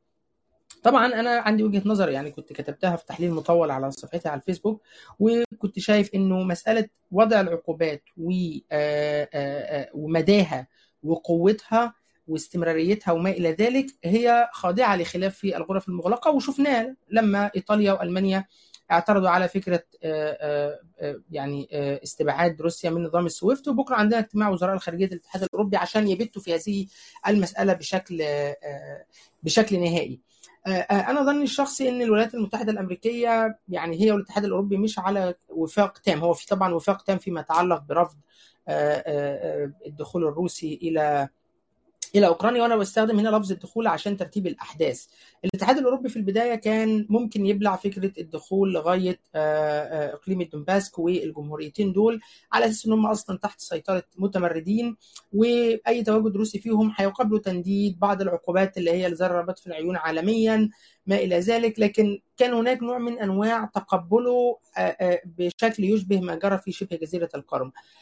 لكن طبعا بوتين فاجئ العالم ودخل من ثلاث أماكن ويبدو إن هو عنده سيناريو فكرة إنه يتخلص من زيلينسكي ويكون ليه نظام موالي لأنه أنا ظني الشخصي طيب عبد الرحمن أنا أنا عايز أسألك بس على نقطة مهمة وبعدين هنرجع تاني نكمل هل في رأي عام أو ضغوط من داخل الولايات المتحدة سواء في أروقة صناعة القرار أو حتى في الإعلام في قصة الدعم العسكري المباشر لأوكرانيا؟ ما حدش في أمريكا مرحب بفكرة الدخول جوه. حتى عشان كده في البداية قلت دي بعضها حتى لو حد قاله هيبقى من باب المزايدات لكن الأمريكان مش عايزين دخول عسكري إلى أوكرانيا. ولذلك ممكن بقى نقول الجدل الحقيقي هو هل الولايات المتحدة الأمريكية في إصرارها في رفض فكرة تقديم ضمانات مكتوبة بعدم ضم أوكرانيا إلى الناتو هل كان في إصرارها ده؟ لأن أوروبا ما كانتش مصرة بهذا الإصرار. ومن هنا بيجي فكرة إن, إن ليه الولايات المتحدة الأمريكية وبالمناسبة ده رأيي يعني أنا أكيد ضد اللي بيعمله لكن كان في نوع من أنواع الإصرار بفعل فكرة إن أوكرانيا دولة ذات سيادة وتتخذ قراراتها. وأنا حتى قلت في تحليل المطول طب يا جماعة هي دول أمريكا اللاتينية ما كانتش ذات سيادة لما ال CIA يعني نصبت ديكتاتوريات وساهمت في انقلابات لعدم تواجد للاتحاد السوفيتي. هل الصين هتسمح بكذا؟ يعني الدول العظمى أنا في فرق بين التحليل بالتمني والتحليل بالأم بال بال بالواقع بعيد بغض النظر عن موقفك الشخصي يعني أنا أكيد ضد بوتين ومش بحب النظام الصيني ولا الروسي ولا ولا إزاي بيديروا شعوبهم وما إلى ذلك لكن في نهاية اليوم يعني أنا مش متوقع إن في أي رئيس روسي أي رئيس مش بوتين هيسمح إن أوكرانيا بالذات بالذات سيبك من لاتفيا وإستونيا ولاتفيا وإستونيا اللي هم في الشمال اللي انضموا وقت ضعف روسيا و لاتفيا واستونيا وليتوانيا اللي انضموا وقت ضعف روسيا للاتحاد للناتو وهم كمان حتى في حتة صغيرة لكن أوكرانيا أوكرانيا بيج ديل يعني زي ما بيتقال بالإنجليزي فأنا ما أعتقدش إن في أي رئيس روسي هيسمح بوجود من الناتو على حدوده بهذا الشكل لكن تمام. التصرف إزاي طبعا بوتين التصرف بشكل سيء ومن هنا بس النقطة اللي هي الجوهرية. إن انه انه إنه مسألة اللوم قد تكون في فكرة الإصرار أو إن إن تكون أوكرانيا في الناتو. لكن ما حدش بيطالب خالص هنا إن يكون في أي عسكري أمريكي جوه أوكرانيا. وبالعكس بايدن لو عمل ده غالبا هيخسر شعبيته بشكل كبير جدا جدا جدا. طيب يعني أنت اتكلمت كتير عن الناتو عن دول أوروبا. أيوب زميلنا أيوب الريمي أنت مقيم في بريطانيا ومتابع بشكل جيد الإعلام في أوروبا. ال 48 ساعة اللي فاتوا هل نقدر نقول إن في تغير في موقف دول حلف الناتو من حيث إرسال مساعدات عسكرية من حيث نبرة أعلى شوية من قصة بس فرض عقوبات اقتصادية على روسيا؟ مساء الخير اسامه ومساء الخير للزملاء. خلينا نبدا معك من تحليل قراته جميل باسكال بونيفاسو احد المنظرين يعني استراتيجيين في الغرب عنده مركز آيريس للعلاقات الدولية والاستراتيجيه في فرنسا. اللي بيقول إنه ابدا لم يكن المزاج الأوروبي متقبلا للوصاية الأمريكية كما هو الآن. وأبدا لم يكن المزاج الأوروبي قابلا لتقوية حلف الناتو كما هو الآن. بالتالي فأعتقد أنه في هذه المسألة بوتين أعاد اللحمة الأوروبية وأعاد الاعتبار لحلف الناتو لأنه كما تابعنا جميعا على عهد ترامب وما بعد ترامب كان الرئيس الفرنسي يتحدث عن جيش دفاع أوروبي مشترك والتحلل والتخفف من من الناتو أن كل بلد يجب أن يعني أن ترفع من من ميزانيتها الدفاعية على حدة. وزير المالية الألماني بالأمس كان له تصريح قال بأنه ظهرت أن سياسة خفض النفقات العسكرية كان رهان خاسر ونحن سنعيد النظر في هذه المسألة. وهذا ينقلنا إلى مسألة مهمة وهي دخول ألمانيا على الخط اليوم. هذا كان أمر مهم جدا. الرئيس الألماني قال بأن الغزو شكل نقطة تحول كما تابعنا منذ بداية الأزمة. ألمانيا كانت دائما متحفظة وهذا معروف بحجم بحكم علاقتها مع روسيا خصوصا فيما يتعلق بالغاز. إضافة إلى أن قرار ألمانيا إرسال أسلحة هذا قرار تاريخي لأنه منذ الحرب العالمية الثالثة الثانية عفوا كانت آه، ألمانيا قررت بأنه أبدا لن ترسل سلاح إلى مناطق النزاع لأول مرة منذ الحرب العالمية الثانية. تقوم ألمانيا بهذا القرار بإرسال صواريخ و... وصواريخ مضادة للدبابات وللدروع وغيره. وبالتالي فأعتقد بأن بوتين صحيح أنه رأى أن هذه هي الفرصة لغزو أوكرانيا بعد أن أكد جو بايدن أكثر من مرة وأكد الأوروبيون وفي مقدمتهم بريطانيا بأنه لن يكون أبدا أي تدخل عسكري آه، في أوكرانيا حتى لو قامت روسيا بغزو آه، بغزو أوكرانيا. ما اعتبره بوتين بأنه ضوء أخضر بأنه يمكن أن يتحرك كيفما يشاء. الآن هناك رد فعل أوروبي. هذا رد الفعل الأوروبي مرتبط أعتقد بأكثر من عامل. العامل الأول وهو أنه حسب ما تم كانت تسربه المخابرات الغربية وهي بالمناسبة ظهرت بأن كل معلوماتها كانت حقيقية وبأن المخطط حصلت عليه وتقديراتها كانت صحيحة أنه مخطط روسيا وهو السيطرة على كييف في 96 ساعة.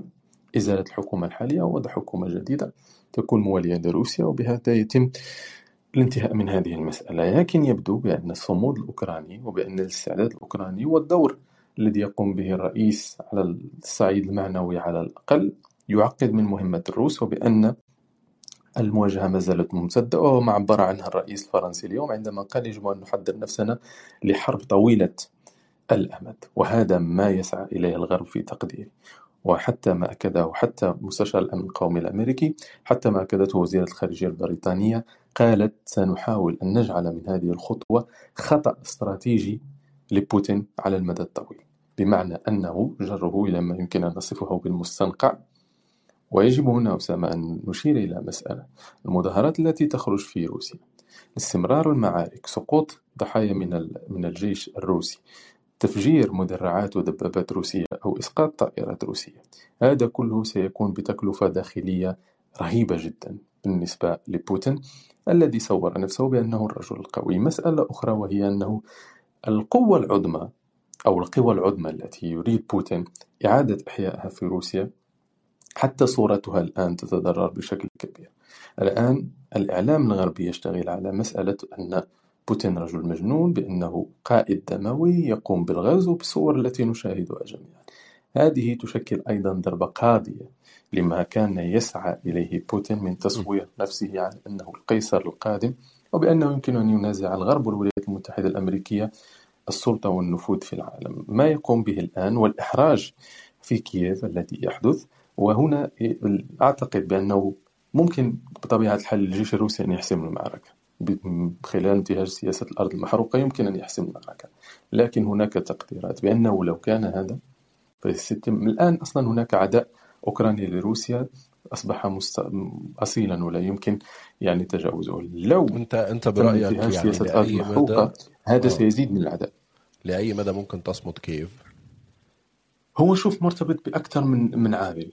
أولا بحجم الزخم أو العسكري الذي تستعمله روسيا في في كييف لأنه كما أشرت لو كانت هناك سياسة الأرض المحروقة أنا في تقديري أنه يمكن السيطرة على كييف من هذه الليلة أو غدا. لكن هناك تقديرات روسية لأنه حتى في الغرب عندما تقرأ تحليلات الغرب لشخصية بوتين بوتين ليس بالمتهور وليس بالمجنون هو لاعب شطرنج ماهر يعرف أبدا يعرف أين يضع رجله كل خطواته محسوبة طبيعة الحال الآن المعركة لها دائما تكون مفاجآت على أرض المعركة لكن أعتقد بأن الغرب يجر بوتين إلى معركة طويلة الأمد.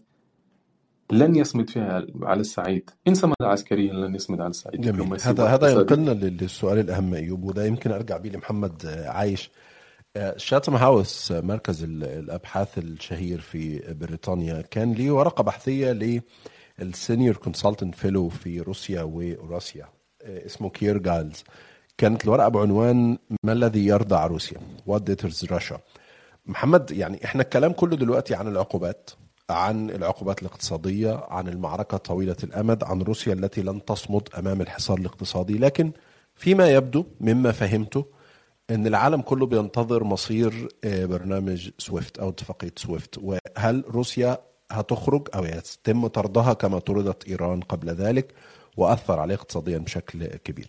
فبس محمد لو تدينا brief بداية عن سويفت إيه الحكاية؟ وهل فعلا إحنا قدام سيناريو طرد روسيا من سويفت أم لا؟ لأن النهارده مثلا آه، اليونان أقرت خروج آه، روسيا من سويفت لكن لسه بعض الدول الأخرى لا زالت مترددة زي ما آه، كأن عبد الرحمن بيتكلم آه، تمام. قبل ما نحكي على سويفت بس خليني أقول بأنه العقوبات الاقتصادية ليست رادعة ل- لروسيا.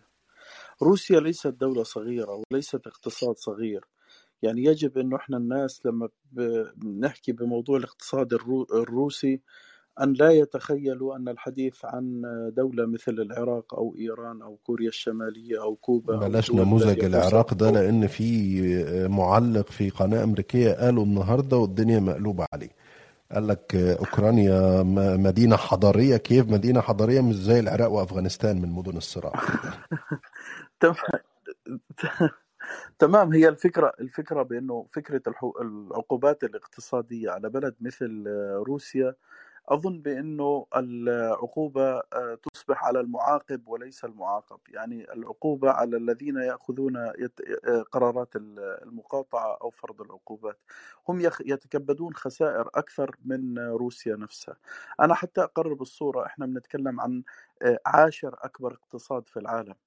يعني فقط في أمامه تسع آه، دول فقط آه، آه، أكبر من هذا الاقتصاد. إحنا بنتكلم عن أكبر منتج للنفط في العالم وأكبر منتج للغاز الطبيعي المسال في العالم. بنتكلم عن دولة الناتج المحلي الإجمالي 1.7 تريليون دولار أمريكي. آه، هذا يعني 1700 مليار دولار أمريكي في 2021 الناتج المحلي. آه، دعني أحكي لك برضو يعني بس شوية بيانات برضو قد تكون مرعبة قبل ما نفكر في موضوع العقوبات الاقتصادية. آه، آه، 40% من التجارة الخارجية للاتحاد الأوروبي تتم مع روسيا. آه، أرب- آه، 35% من الغاز الوارد إلى آه، أوروبا يأتي من آه، من روسيا. 100% من الغاز الذي يغذي الذي يغذي جمهورية تشيك يأتي من روسيا. يعني إذا إذا قررت روسيا أن تقطع الغاز عن تشيك لا يوجد منزل واحد لديه غاز لي- ليطبخ طعامه يوم غد في جمهورية تشيك. يعني هذه هذه بعض الأمثلة.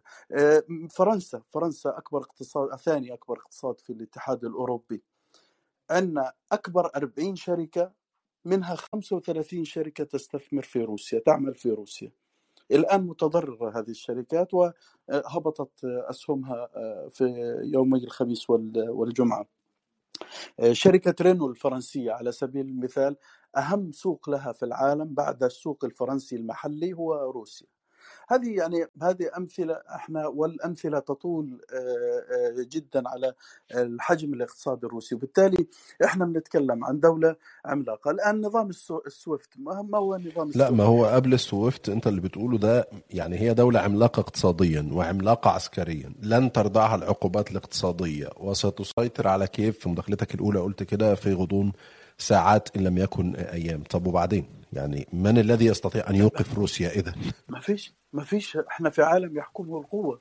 من الذي استطاع أن يردع أمريكا عندما قررت في 2003 أن تدخل إلى العراق؟ يعني إحنا كنا من أنا كنت ب... أنا أتذكر في يوم 13 آه، أبريل 2003 كنا آه، آه، متمسمرين أمام شاشات التلفزيون وبنشوف الدبابات الأمريكية بتدخل على بغداد، من كان يملك في العالم أن يقول لا لقوة بحجم الولايات المتحدة؟ اليوم من يملك في العالم أن يقول لا لقوه بحجم روسيا؟ يعني وبعدين بال... بال... أنا مش خبير عسكري لكن ب... من ضمن ما نقرأ في قراءاتنا بعض الأسلحة في بعض أنواع الأسلحة لدى روسيا تتفوق فيها على أمريكا. يعني في بعض المجالات استطاعت روسيا أن تطور بعض الأسلحة بالمناسبة بال- بالمجال الروبوت روسيا الروبوت العسكري. روسيا متطورة أكثر من الولايات المتحدة. بس ده سؤال مهم محمد. يعني خليني والله أطرحها حتى على يعني زملائنا المتحدثين. من يملك الآن ردع روسيا؟ لو حد عنده إجابة مغايرة للي محمد بيقوله يعني. أي حد حابب إنه يجاوب يفتح المايك ويتوكل على الله. لا تسمح لي أسامة بس في دقيقتين. آه تفضل. ايوب تفضل تفضل أستاذ محمد. لا لا تفضل تفضل محمد. أنا بس في دقيقتين. ال- لأنه الأرقام أحيانا تكون تكون خادعة. صحيح هناك اعتماد آه، على الغاز الروسي. لكن اقتصاديا روسيا ليست شو وخلينا نرجع لخطاب. آخر خطاب كان ل... ل... لأوباما. عندما قال أن صحيح الروس آذونا واخترقوا نظامنا الإلكتروني لكن من هي روسيا؟ ماذا تصنع؟ صحيح عندها إمكانيات طبيعية كبيرة وهائلة جدا. صحيح أن الغاز الروسي هو من يدفئ المنازل الأوروبية لكن فقط الناتج الداخلي الخام لكوريا الجنوبية أكبر من روسيا. روسيا صاحبة القدرات المقدرات الرهيبة يعني. فبالتالي فالاقتصاد الروسي هو اقتصاد فاشل ولاحظ حتى انهيار العملة. كيف انهار بسرعة رغم أنها هي البلد المعتدي وليس المعتدى عليه كيف أن عملتها انهارت بسرعة كبيرة. العامل الاقتصادي لا يجب أبدا إغفاله. صحيح أن البنك المركزي ال- الروسي خزن أكثر من 650 مليار والذهب و و- لكن على الصعيد الاقتصادي لا يمكن أبدا تمجيد النموذج الروسي الاقتصادي لأنه لو به- بهذا المنطق سنقول بأن حتى السعودية دولة اقتصادية عظمى. لو قامت بإيقاف فقط النفط على على العالم سيتأثر السوق العالمية وهذا طبيعي لأنها شبكة الطاقة. لكن أعطيني شركة واحدة هي شركة أمازون مثلا تنتج أكثر ما تنتجه روسيا باقتصادها عامة. أبل تنتج أكثر مما تنتج طيب هو هو واضح ان باقتصادها محمد عايش ايوب النموذج الاقتصادي. لا فقط فقط النموذج النموذج الاقتصادي. متفقين أن دولة عظيمة. لا لا أستاذ لا أيوب لا أنا غبار على أنا ذلك. أنا فقط لكي نؤكد أنه روسيا صحيح عندها مقدرات رهيبة لكن نموذجها الاقتصادي ليس بهذه جميل. بهذا الطريق ولا بهذه القوة القادرة على الصمود محمد. الآن. لا محمد. بس للتوضيح. أستاذ أيوب أنا أتفق معك. في- بنسبة 100% أنا لا أناقش النموذج الاقتصادي الروسي إن كان ناجحا أم فاشلا. أو أنه أنا أمجد أو أذم. أنا أقول بأنه هذا الاقتصاد بهذا الحجم لا يمكن أن تردعه العقوبات الاقتصادية. من يفرض عقوبات اقتصادية على روسيا هو المتضرر. الذي يفرض العقوبات سيتضرر أكثر. بالمناسبة هذا موضوع تقرير في نيويورك تايمز يمكن امبارح أو أول امبارح بالتزامن مع الحرب أو قبل الحرب بيوم. قالوا أنه الشركات الأوروبية ستو- ستعاني أكثر مما يعاني الاقتصاد الروسي. الفكرة أنه إحنا أمام اقتصاد عملاق ال- ال- العقوبات هذه لن تردعه وبعدين إحنا أنت عارف الاست- الاستهلاك حجم سوق النفط العالمي. لو بدنا نحكي بس عن سلعة واحدة النفط العالم يستهلك يوميا 100 100 ألف 100 عفوا 100 مليون برميل. 10% منهم آه، بتنتجهم روسيا أو حوالي 11% بتنتجهم روسيا. يعني عن- عندك حوالي 11% من نفط العالم في يد روسيا. أنا أجيب لك مثال ثاني برضو بالقياس يعني للقياس بنتذكر لما لما الحوثيين ضربوا شركة أرامكو وعطلوا الإنتاج في السعودية السعودية بتنتج نفس نفس ال- نفس قيمة ما تنتجه روسيا. 10 مليون 10 مليون تقريبا بين 10 و12 روسيا بين 10 و12 والسعودية بين 10 و12 لما أعلنت السعودية تعطل الإنتاج في اليوم التالي فتحت اسواق كان يوم سبت إذا بت... آه، كان يوم سبت أو أحد. في اليوم التالي اللي هو يوم الاثنين ف... ع- بداية تداولات الأسواق ارتفعت أسعار النفط بنسبة 20% لحظة الافتتاح أنا بتذكرها كنت فاتح وبستنى أول سوق بيفتح أول بداية التداول كان فجر الاثنين. ارتفعت أسعار النفط 20% خلال دقائق. بمعنى إنه إحنا لما آه، آه، منتج بحجم روسيا لذلك طبعا آه، استثنوا آه، قطاع النفط وقطاع الغاز من أي عقوبات. بس أنا بحكي لك مثال إحنا اليوم لو حيدنا قطاع النفط اللي موجود لو فرضا جينا فرضنا عقوبات على قطاع النفط الروسي ساعتها العالم كله راح يتضرر وروسيا راح تصير تبيع في السوق السوداء أو راح تصير يعني ممكن طبعا تتضرر بس انو أكثر تضررا. بس أيوب أيوب أشار لنقطة مهمة محمد وهي فكرة طيب إذا كانت الدولة المعتدية هي اللي عملتها بتنهار بشكل سريع. طب عندك تفسير آه لو الاقتصاد قوي العمله ولن يتأثر لم تكن العملة لتنهار يعني بالسرعة دي؟ لا لا الع- الع- العملة العملة طبيعي جدا إنه يكون في رد فعل على العملة هذا سوق حر. طبيعي جدا يكون في رد فعل على العملة لأي دولة تدخل الحرب. هذا شيء طبيعي جدا. لكن وهذا بكل تأكيد مدروس بالنسبة للروس هذا من يعني من الألف باء لأي اقتصاد عماله بيدخل في توترات سياسية أو عسكرية. بس بس برضه في نقطة مهمة. أيضا أنه تسعير العملة برضه مش دائما مش دائما مؤشر. يعني الاقتصاد ليس عملة العملة هي أحد أحد المؤشرات. هاي برضه محمد أمين فتح لك المايك فيعني خلينا نروح لمحمد أمين لأنه عايز يتكلم شوي. تفضل محمد.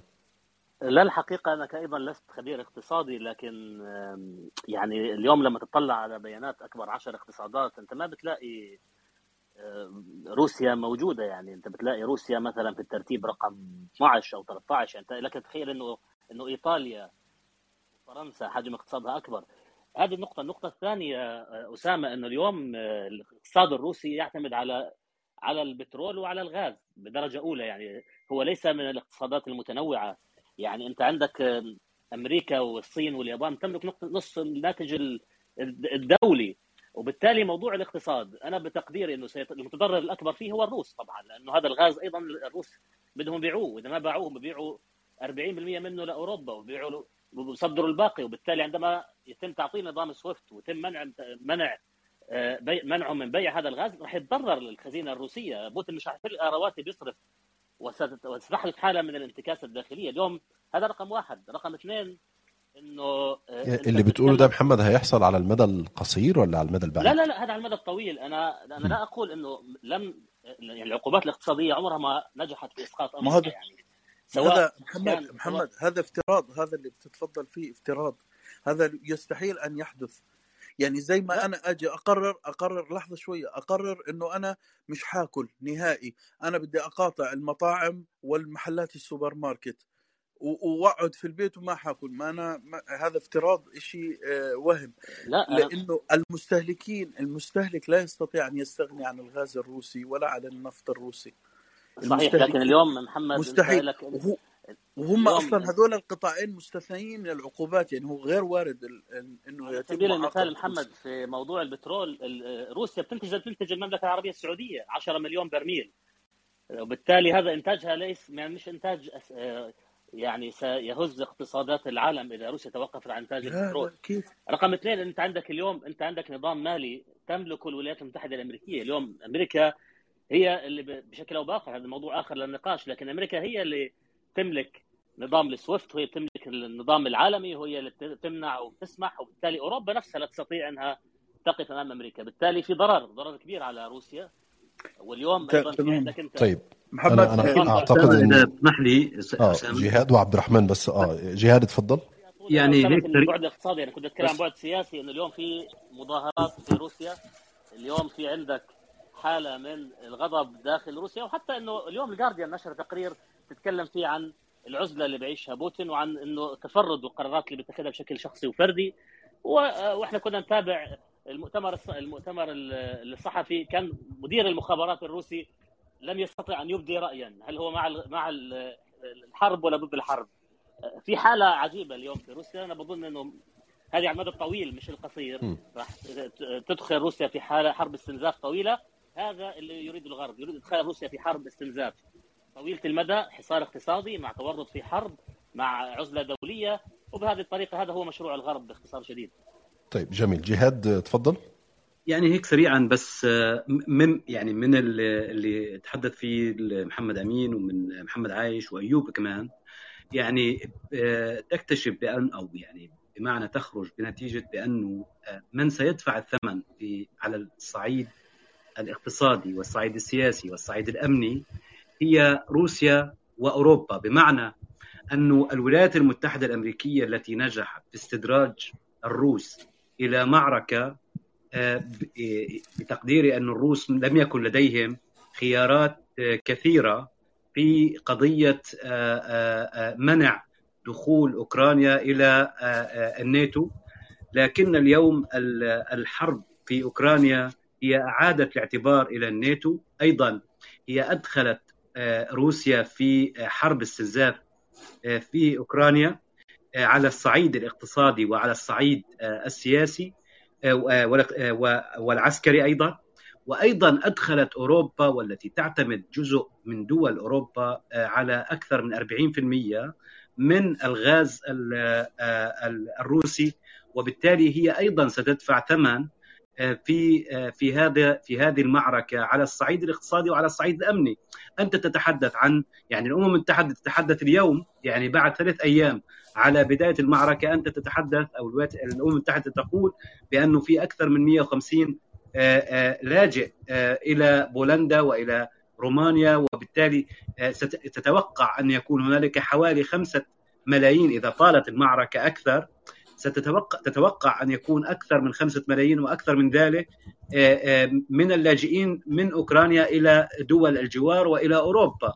وهذا سيمثل أيضا عبء اقتصادي وعبء أمني على الأوروبيين. تخيل يعني بمعنى أنه القوة يعني القوة الروسية والقوة الأوروبية نجحت الولايات المتحدة الأمريكية في إدخال هاتين القوتين في اشتباك وفي وضع عدم استقرار و, و, و على على كافة الصعد. بتقديري بأنه الولايات المتحدة الأمريكية وحتى ال يعني الإستراتيجيين الأمريكان يعني هم يروا بأنه هنالك صعود لروسيا وهنالك دور كبير لروسيا وهي دولة عظمى وهنالك أيضا دور كبير للاتحاد للاتحاد الأوروبي وهم سيكونوا منافسين للولايات المتحدة الأمريكية. وبالتالي يعني قضية بمعنى إدخال هاتين القوتين في صراع مباشر واستنزاف مباشر قد يكون لمصلحة الولايات المتحدة الأمريكية مع إعادة أيضا الذراع حتى العسكري الناتو الذي كاد أن يموت وأعيد احياؤه من خلال هذه الحرب. طيب أنا أنا عبد الرحمن أنا عارف إنك هتعلق بس أنا لما محمد عايش كان بيقول من يستطيع أن يرضع روسيا؟ أنا كان المايك بتاعي مقفول فأنا قلت أمريكا يعني هي طلعت تلقائيا كده. بس اكتشفت إن ما, ما اتسمعتش لأن المايك كان مقفول. هل الولايات المتحدة في وضعها الحالي بإدارة جو بايدن بحكم الديمقراطيين هل هي الرادع الأقوى لتمدد روسيا في المنطقة؟ يعني أنا أنا في نقطة مهمة في مسألة الحوار أنا أشرت إليها بس يعني ظني إن هي يعني ما فيش انتباه هي مسألة الوقت. النقطة الثانية مسألة توصيف اللي بوتين عايزه على المدى الطويل. الولايات المتحدة طبعا هي أقوى من روسيا. يعني أي مواجهة بعيدة عن الرؤوس النووية الولايات المتحدة الأمريكية أقوى من روسيا بكتير. لكن الفكرة هل روسيا عايزة تعدي أوكرانيا؟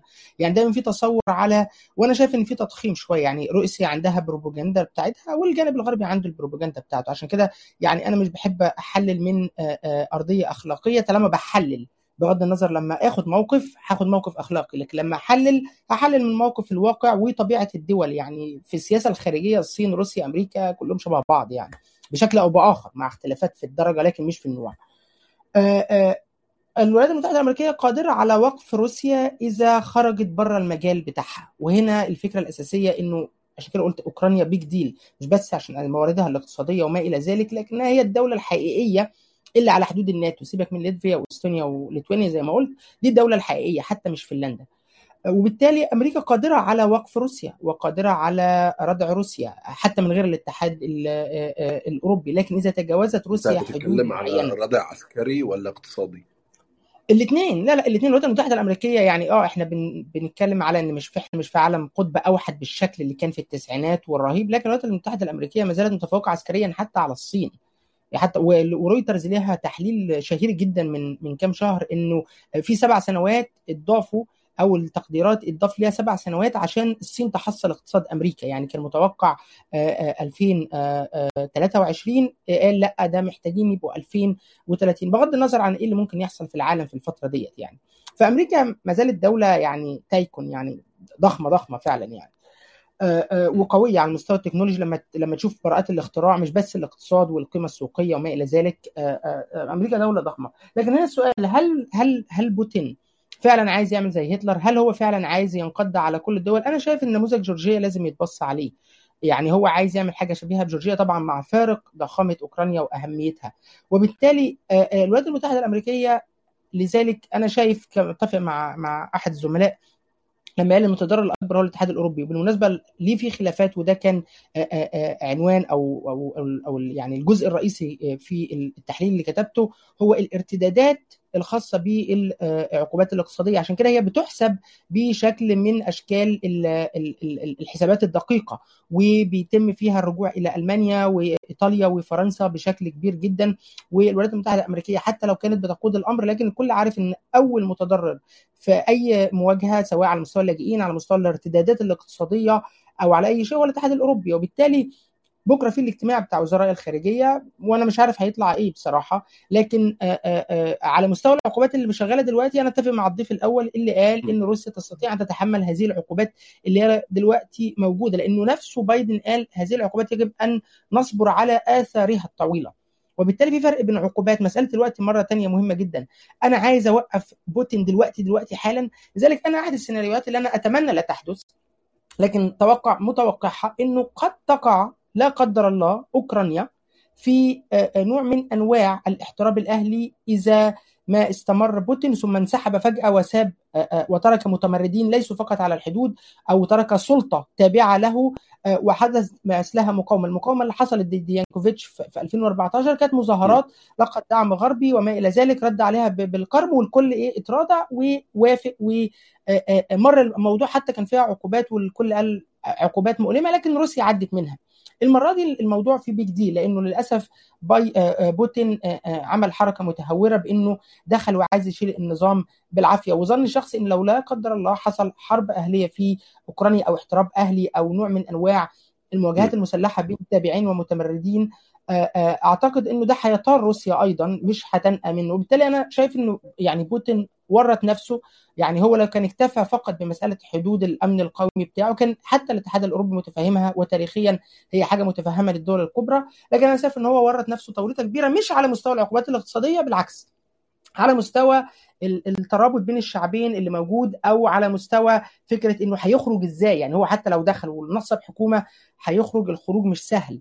ولو قعد هيتم استنزافه بشكل كبير جدا. وبالتالي مسألة الوقت مسألة ما بعد أن أن يحصل على على كييف إذا حصل عليها وهو المرجح بالنسبة للمحللين كتير ماذا سيحدث؟ هذه هي النقاط الأكثر الحاحا في المناقشة. أما الولايات المتحدة الأمريكية والناتو إذا إذا عبرت روسيا الخط الأحمر الخاص بأوكرانيا نعم هم قادرون على طيب. إيقاف روسيا إلا بقى لو دخلنا في حرب نووية لكن هم قادرين على إيقافها 100% جميل تفضل يا محمد. اسمح لي اسمح لي بس أنا فقط يعني مهم إنه نشير بإنه في بعض الافتراضات نظرية. بمعنى إنه هل تستطيع أمريكا أن تردع روسيا مثلا عسكريا؟ على الورق لو حسبناها نعم. لكن هل تريد الولايات المتحدة أن تدخل في مواجهة عسكرية مع روسيا؟ الجواب لا. وهل تستطيع الولايات المتحدة أن تدخل في مواجهة عسكرية مع روسيا وتتحمل تبعات هذه المواجهة؟ الجواب غالبا لا. وده افتراض برضه محمد. بس طول بالك علي شوي، الافتراض النظري الآخر وهي فرض عقوبات على قطاع النفط وقطاع الغاز في روسيا. نظريا إذا إحنا ما اشترينا ولا برميل نفط من روسيا نعم تتضرر بس هذا افتراض نظري تماما لأنه المستهلكين والسوق العالمي لا يمكن أن يستغني عن عن الإنتاج الروسي النفطي. مستحيل لا يمكن. أنا بقول لك لمدة ساعات قليلة توقف إنتاج السعودية أعلنت أرامكو توقف الإنتاج ارتفعت الأسعار 20% الغاز برضو لا يمكن أن نتخيل جمهورية تشيك تعيش بدون غاز. يعني بدون غاز يعني بدون تدفئة طب ما بيموتوا الناس من البرد. بيموتوا الناس من البرد. انسى بدناش نطبخ. خلص ناكل من الأرض. والتدفئة. بتجمدوا الناس. ما هي بلد باردة. بمعنى إنه إحنا أمام افتراض نظري تماما. هو نظري بحت. اللي حاصل الآن إنه النفط والغاز مستثنيين من العقوبات. والحل الخيار العسكري أيضا مستبعد بالنسبة للناتو وبالنسبة للولايات المتحدة. الآن العقوبات الاقتصادية. أنا دعني أقول لك بانه روسيا حتى هذه اللحظة مستفيدة من العقوبات. طب لماذا مستفيدة؟ روسيا أكبر منتج للنفط في العالم. كانت تبيع البرميل العام الماضي ب 20 دولار. السنة هذه بتبيعه الآن بعد قرع طبول الحرب صار ب 100 دولار.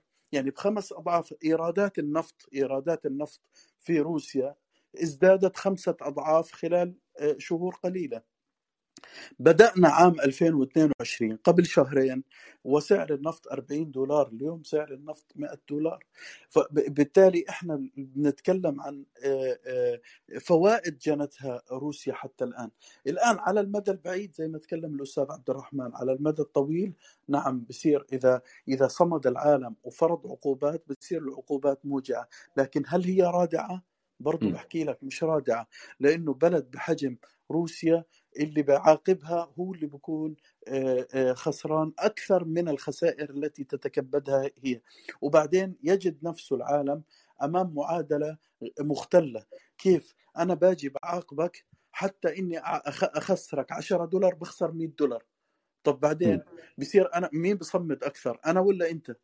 أنت راح تصمد أكثر مني. إذا كنت أنا كل 10 دولار بخسرك إياها بخسر أمامها 100 دولار وبعدين بكون مجنون إذا بستمر في هذه المعادلة. طيب دي فهذا دي مهمة الاتحاد محمد. الأوروبي على الأقل. طيب دي دي نقطة مهمة خليني أروح فيها لمحمد حامد. محمد هل متفق مع اللي محمد عايش بيقوله فكرة إنه لأ هي روسيا هتطلع كسبانة واللي عايز يخسرها 10 هيخسر 100 هل متفق في فكرة إنه العقوبات الاقتصادية حتى على المدى البعيد آه هتضر لكن المهم مش روسيا اللي تصمد المهم اللي فرض العقوبات هو اللي يصمد.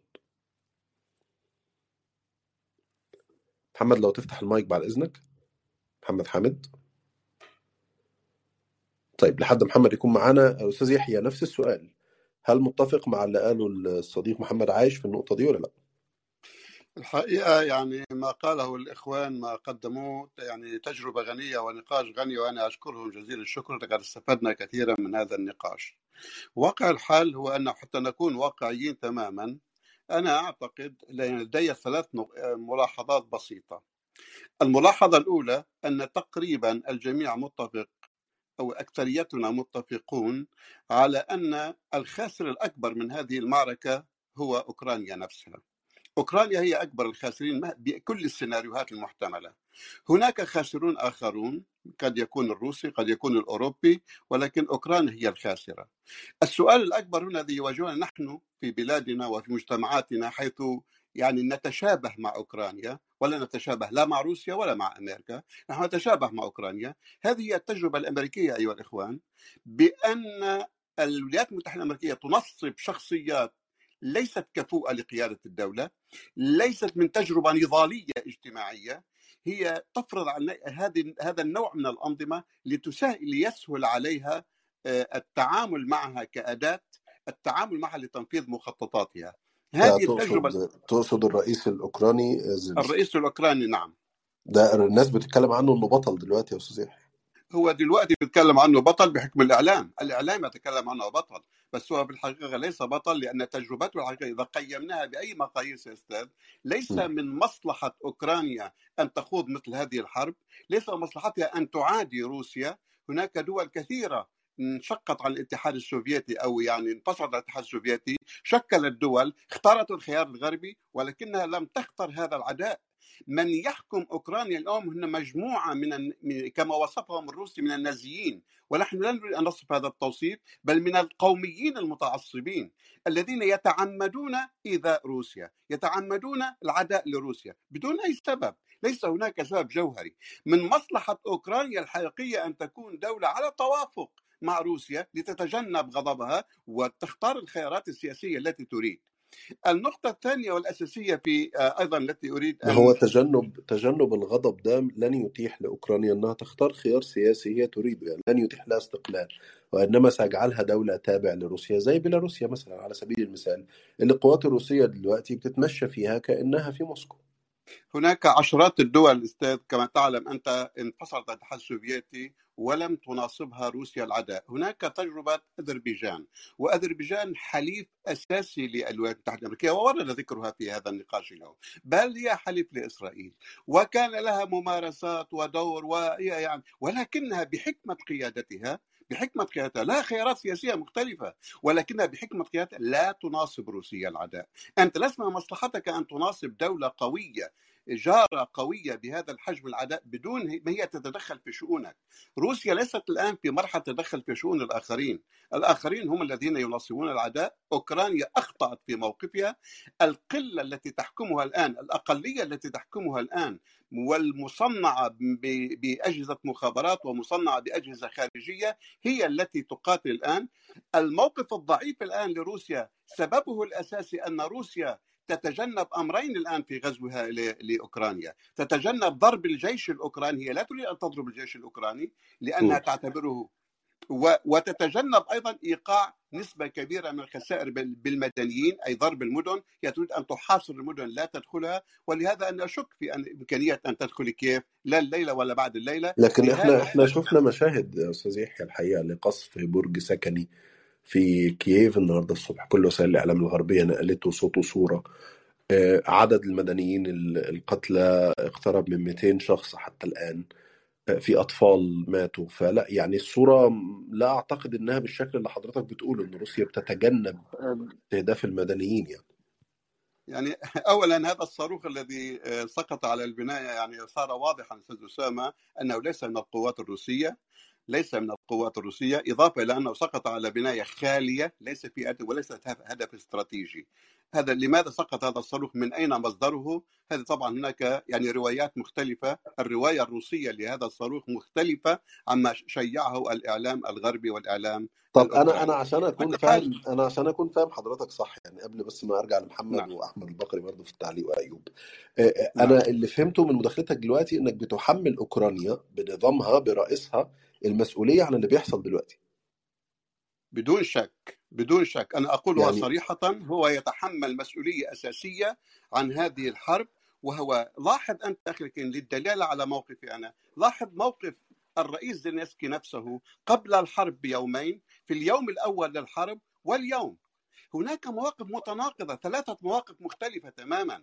ثلاثة مواقف في اليوم الأول للحرب كان هو دعا إلى الحياد هو دعا روسيا للتفاوض على الحياد طيب ولكن جميل في اليوم الثاني والثالث طب غير موقفه. وضحت يا أستاذ يحيى خلينا عفوا ناخد تعليق من محمد وبعدين أرجع لأحمد البقري اتفضل. يا عفوا محمد أسامة بس تعليق بسيط أنا يعني أستاذ يحيى تحياتي له لل باقي الزملاء. لكن أنا بستمع لوصفه للجيش الروسي وكأنه دخل بالورود. الجيش الروسي يعني دخل بعمليات عسكرية من كافة المحاور. هناك قصف اليوم لكييف وهناك قتل للمدنيين الجيش الروسي أصلا لدي لدينا تجربة معاه في المنطقة في سوريا ما قام به من قصف وبراميل متفجرة وتدمير مدن بالكاملها وهدم البيوت على رؤوس سكانها. الجيش الروسي ليس الجيش الذي يتحدث عنه الأستاذ يحيى. أنا يمكن آه، أعتقد أنه يعني يمكن بيصف جيش آخر أو بيتكلم عن عملية جمعية خيرية تقوم الجيش بتوزيع الورود. الآن لا الجيش الروسي جيش الآن يخوض حرب شارع شارع ويقوم بالقصف ويقوم بتدمير مدن مدينة بالكامل. آه، اسمها كييف الآن على كل حال هذا موضوع آخر فيما يتعلق بمسألة إنه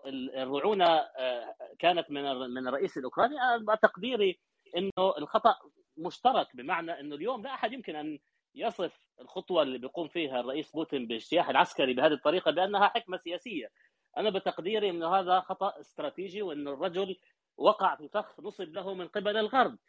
آه، هذا رقم واحد، رقم اثنين إنه آه، أوكرانيا آه، صدقت الضمانات الأمريكية ووضعت سلتها في البيض ال- الأمريكي وهي اليوم تدفع ثمن هذا هذه هذا الخيار السياسي الذي واضح إنه لم يكن ناضجا، لكن إحنا اليوم نتكلم من يتحمل مسؤولية الأزمة هذه، أنا بقول إنه اللي شن. الحرب هو الذي يتحمل مسؤولية هذه الأزمة لأنه الدول العظمى في القرن 22 لا تقوم بال- بال- بال- بهذا الشكل من ال- الأعمال العسكرية وبهذا الحرب الشاملة يعني أسامة إذا لأنه اليوم لو بدك لو بدك يستفيدوا في عاجل بس. أسامة في عاجل في عاجل أعتقد اسامه طيب أنا آسف أنا اتفضل. آسف في المقاطعة بس كصحفي كصحفي في عاجل آه، لسه ال NBC News World نشرها بتقول breaking European Commission US UK France Germany Italy and Canada announce a commitment to ensuring that selected Russia banks are removed from the SWIFT messaging system. فيبدو إن إحنا داخلين على تطبيق هذا الأمر. آه يعني ممكن آه تبص آه لسه حالا breaking من ثلاث دقايق بالظبط. عشان كده أنا آسف. الروح الصحفي حلت عليا وقطعت كلام طيب أنا أنا آسف. يعني هو مش أنا كل مش كل بس بس بكلمه الخبر العاجل ده يا جماعة بس ثانية واحدة. ثانية واحدة بس ثانية واحدة. هنقف عند الخبر العاجل ده لأنه أعتقد من أهم الأخبار ال- اللي محتاجين نناقشها لكن جهاد عنده بس تعليق على النقاش اللي بس رد يعني ردا على اللي قاله زميلنا محمد أمين. يعني من من المؤكد أنه من مسار المعركة خلال الثلاث أيام الماضية أنه القوات الروسية تتجنب قضية الدخول يعني إلى المدن بالمعنى حرق المدن. يعني المشهد اللي شفناه في الشيشان يمكن هذا المشهد لم نراه يعني في في أوكرانيا حتى هذه اللحظة. بمعنى أنه إلى الآن يسعى الجيش الروسي إلى ضبط إيقاع المعركة بما لا بما يضمن عدم سقوط عدد مرعب والحرب طبعا مرعبة وأي قتل أي إنسان هو جريمة بحد ذاته. ولكن إلى بتقديري إلى هذه اللحظة اللي نتحدث فيها الجيش الجيش الروسي وهذا ليس دفاعا عن الجيش الروسي أو لكن فعلا لو تحدثت عن القوة الغاشمة اللي ممكن انه الجيش الروسي يتحرك فيها في أوكرانيا وغيرها لا راح يكون قوة مدمرة بشكل كبير جدا لكن هنالك في محاولة لضبط النفس في قضية تحديدا العلاقة بالمدن في في أوكرانيا. وحتى بالإحصاءات التي تقولها وزارة الصحة الأوكرانية تتحدث عن حوالي 200 أو أكثر قليلا عدد المدنيين فيهم رقم بسيط وهي جريمة. يعني أنا أؤكد بأنه هي أيضا جريمة لكنها ليس يعني تعكس حاله ضبط لدى الجيش الروسي في المعركة التي تحدث في أوكرانيا. قد تتغير المسألة بشكل أو بآخر.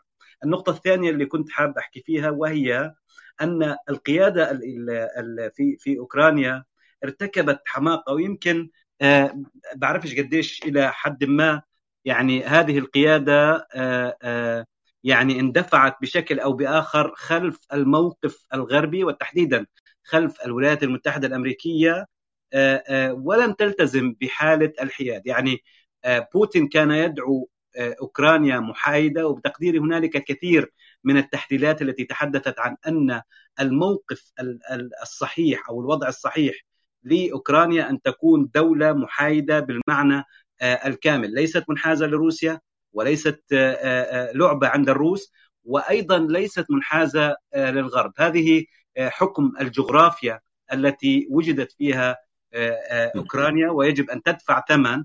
هذا الموقع الجغرافي أن لا تكون محايدة أن تكون محايدة وليست تابعة لا للغرب ولا للشرق. شكرا. نعم. طيب أنا أنا بس إيه قبل ما اخد أحمد البقري الخبر العاجل اللي كان عبد الرحمن بيقوله الاتحاد الأوروبي وبريطانيا وكندا والولايات المتحدة ستقوم بتعليق أو قطع أو إلغاء عدد من البنوك الروسية من السويفت system هيفرضوا عقوبات على البنك الروسي المركزي وبنوك أخرى والتفاصيل أكيد هنتابعها في الدقائق الجاية. طيب أحمد عايز أرجع لك في قصة الرئيس الأوكراني لأنه الحقيقة هو مثار جدل كبير جدا في الأيام اللي فاتت. الأستاذ يحيى بيقول لك إن هو يتحمل أصلا مسؤولية كبيرة لأنه هو صنيعه أمريكية. في حين إن عدد كبير جدا من الصحفيين من وسائل الإعلام بتبروز الراجل دلوقتي كبطل شعبي موجود مع الناس في الشوارع. بينشر فيديوهات وهو لابس لبس عسكري بيطمن الشعب الأوكراني يعني انت انت متابع جيد لوسائل التواصل الاجتماعي بالتأكيد. إزاي شايف الحالة اللي عاملها الرئيس الأوكراني؟ وهل هو فعلا يتحمل مسؤولية كبيرة من الأوضاع اللي حصل دلوقتي ولا لا؟ أحمد؟ السلام عليكم يا دكتور. معذرة يعني اسمح لي في البرنامج أنا لسه جديد عليه فبتعود عليه. هو طبعا الرئيس يتحمل مسؤولية كبيرة طبعا لأنه هو رأس السلطة. وهو اللي كان من المفترض أنه هو يكون واخد إجراءات وقائية لحماية الدولة اللي هو هو المسؤول الأول. ولكن كل الفشل اللي هو تعرض ليه في في السابق وإدارته للحرب الحقيقة سواء على المستوى الإعلامي أو على المستوى الميداني يمكن إحنا عشان بنشتغل في النيوز فدايما بنتابع بنتابعين وبشوف إن الراجل حريص على إنه أقل شيء يكون بينه وبين الظهور الأولاني في فيديو مقتضب لا يتجاوز مدته 7 8 دقائق بكتير قوي لو 12 دقيقة وتقريبا ب... تقريبا 3 4 ساعات بين كل ال- الفصل. فالراجل لأ متواجد ومتواجد بشكل كبير جدا وقدر إن هو آه، يعني يق- يقدم نفسه لل... للمجتمع الأوكراني وحتى المجتمع الأوروبي إنه رجل فدائي إنه رجل بطل. والحقيقة إنه موفق جدا جدا جدا في كل حواراته أو كل لقاءاته الإعلامية اللي هو خرج فيها سواء لما تحدث مع الاتحاد الأوروبي وقال لهم إنه ده ربما اللقاء الأخير ليا معاكم المرة الجاية ممكن تلاقوني آه، جثة هامدة. فهنا أيضا بي يعني بي- بي- بيستثير حماس ال- ال- الأوروبيين مرة أخرى تجاهه. لما الأمريكان عرضوا عليه إن هو يغادر آه، أوكرانيا أو يذهب إلى منطقة آمنة قال لا أريد رحلة سياحية ولكن أريد ذخائر لكي أدافع عن بلدي خطابه دايما للشعب الأوكراني. يعني لا بصراحة هو عمل يعني الواحد يكون محق ان هو هو في النهاية جاء بانتخابات ديمقراطية وهو رئيس ديمقراطي طبعا مشاكله مع الاتحاد الأوروبي والانضمام للناتو وتعويله على الغرب وكل الأمور دي هو طبعا يحاسب عليها وتحاسب على الحكومة لكن إدارته للحرب كانت إدارة ذكية متواجد في الحدث اليوم مثلا بعد عندما يعني حتى في التعامل الإعلام هو ذكي جدا الحقيقة سواء في ال social media أو حتى في الإعلام يعني مثلا لما طلعت عليه إشاعة ان هو غادر إلى خارج أوكرانيا. راجل خرج أمام القصر الجمهوري ومقر الحكومة وخرج مع ليس وحده يعني هنا رسالة مزدوجة إن أنا موجود وموجود في الميدان وبتمتع بكل الصلاحيات. أيضا خرج معه رئيس الوزراء وعدد من من القيادات في تأكيد على إنه آه، كل رجال الدولة آه، موجودين وفي نوع من أنواع التناغم والعمل. فده لا يعني بصراحة أداؤه في الحرب آه، أداء مميز. طبعا نختلف معاه في- فيما قبل يعني. لكن لو أنا هقول للحرب الأوكرانية دي تعريف بسيط هقدر أقول انه عندنا مثل مصري شهير بيقول اللي بياكل على ضرسه بينفع نفسه. ما أعرفش بقى الناس اللي معانا من جنسيات أخرى هي يعني المثل لو ده هو احتاجوا لو احتاجوا ترجمة هيقولوا لكن أعتقد كله فاهمه يعني آه. مشكلة. ال- ال- المثل ده وضح إنه هذا العالم لا. يعترف إلا بمنطق واحد ولغة واحدة وهي لغة القوة. التنديد والشد لا يفعل شيء. في النهاية تمتلك القوة تستطيع أن تصد. لا تمتلك القوة ستكون فريسة سهلة سيبتلعك خصمك بسهولة. ما. حدث أن الأوكرانيين لديهم نوع من القوة. القوة هنا ليست القوة الدبلوماسية لكن نوع من القوة الخشنة. استطاعوا أن هم يصدوا بها. لذلك العالم كله يتحدث الآن عن مفاوضات طاره عن آه، صمود طاره أخرى.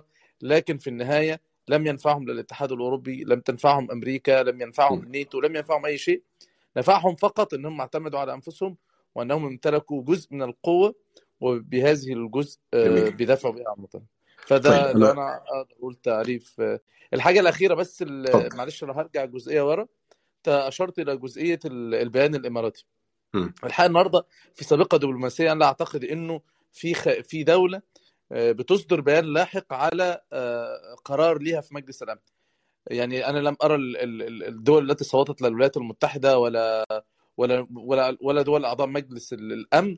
أصدروا بيان تعقيبا على ليه هم صوتوا كده النهارده الخارجية الإماراتية في السابقه لم تحدث من قبل أعتقد نزلوا بيان بيشرحوا هم ليه آه، صوتوا آه، بالامتناع وطبعا ال- التعقيب بتاعهم كان أسوأ من التصويت لأن هم طبعا بيحاولوا يرضوا الأمريكان فبيقولوا آه، على لسان المندوبة الدائمة في مجلس الأمن على عفوا الممثلة الإماراتية في مجلس الأمن سفيرة يعني.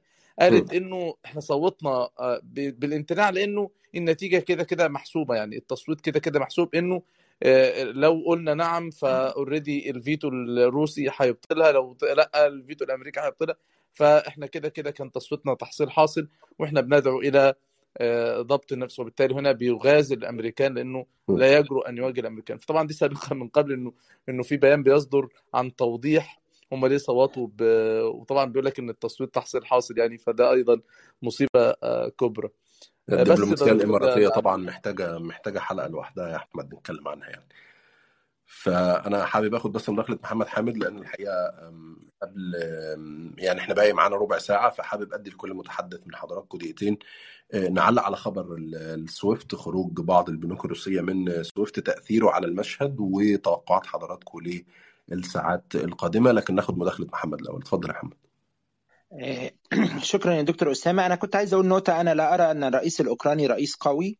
هو رجل أسير للغرب وسقط في فخ المواجهة روسيا وهو استخدم لمواجهة روسيا. ولو عدنا لانتخابات 2019 يا دكتور محمد أسامة. محمد معلش هكمل بس. طب أكمل آه آه بدون بس أنا أنا بس خليك آه بس أنا عايز معلش يا دكتور أسامة لو تسمح لي اعتبرنا أعتبرنا هنا في المناظرة. هو إحنا خلينا مش حاجتين. ده رأيي ده رأيي ده آه رأيي آه يا ماشي. ما هو رايك خلينا بس عشان في ناس بتسمعنا. تحليل تحليل ما- أيوه تحليل. ما هو عشان أنا أستفيد منك يا محمد خلينا أستفيد منك.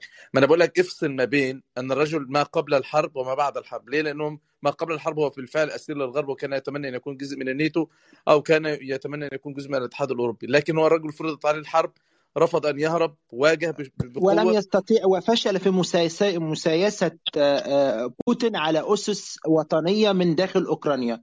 هذا البلد منقسم على ذاته. هذا البلد آه، في قطاع كبير جدا مؤيد لروسيا وفي قطاع أيضا كبير مؤيد لأوكرانيا للاتحاد الأوروبي وللغرب. انتخابات 2019 ديت تم إجراءها بين النخب ال- ال- المؤيدة للغرب. لم يكن هناك مرشح مؤيد ومدعوم من روسيا. هذا البلد ظل منذ التسعينات أسير لروسيا. الثوره البرتقالية أو التي حدثت في عام 2004 بعد ما حدثت حصل لها فشل أتت بالموالين لروسيا أيضا مثل ثورات الربيع العربي التي دارت دائرتها وأتت بأجزاء من الأنظمة السابقة. عموما يعني آه، أنا آه، ده هي هو الكلمة دي يا محمد الكلمة دي ممكن تخلينا نكمل الحلقة دي للفجر والله. بس ماشي. طيب بص لا أنا آخر جملة بس. أن أن زيلينسكي ده اسقف له إمتى؟ إن هو لو قدر يفاوض بوتين ويمنع لبلده الحرب. إن هو كان يحل الموقف دبلوماسيا وليس أن ينتهي به الحال بين شوارع كييف يصور مقاطع آه، في- فيديو يقول أن الوضع تمام وأنا بقيت في البلد وأواجه. هو بلده في أزمة فلازم يفضل يطمنها. يعني ده مش شيء محمود شيء كويس ولكن في النهاية يتوسل إلى بوتين لكي يحاوره. مآلات هذه الحرب آه، بالتأكيد ضربات سويفت والضربات ال- الاقتصادية التي ستلاحق روسيا ستكون عامل أساسي ولكن تبدو روسيا أمامنا يا أصدقائي دولة مرتبة لأوراقها أكثر استعدادا من الغرب ومن أوكرانيا واتضح ذلك في اقتحام العاصمة بأكثر من من أكثر من جهة. البيانات بتاعت سيرجي لافروف حديث بوتين الواثق أنه سينتصر في النهاية.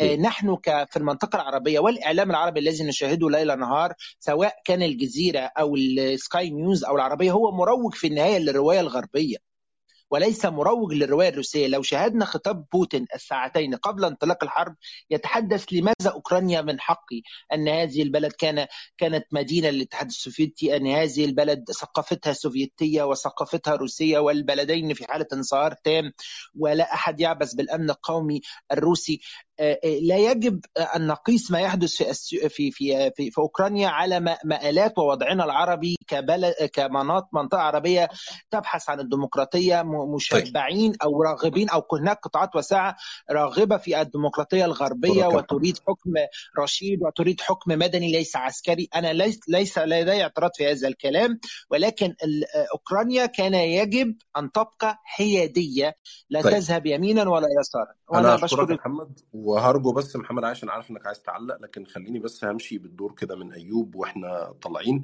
لو في تعليق بس لو تكتبوا على م- على مداخلة محمد وقولوا في ال- في الدور يعني لأن إحنا خلاص يعني قدامنا ربع ساعة ونختم.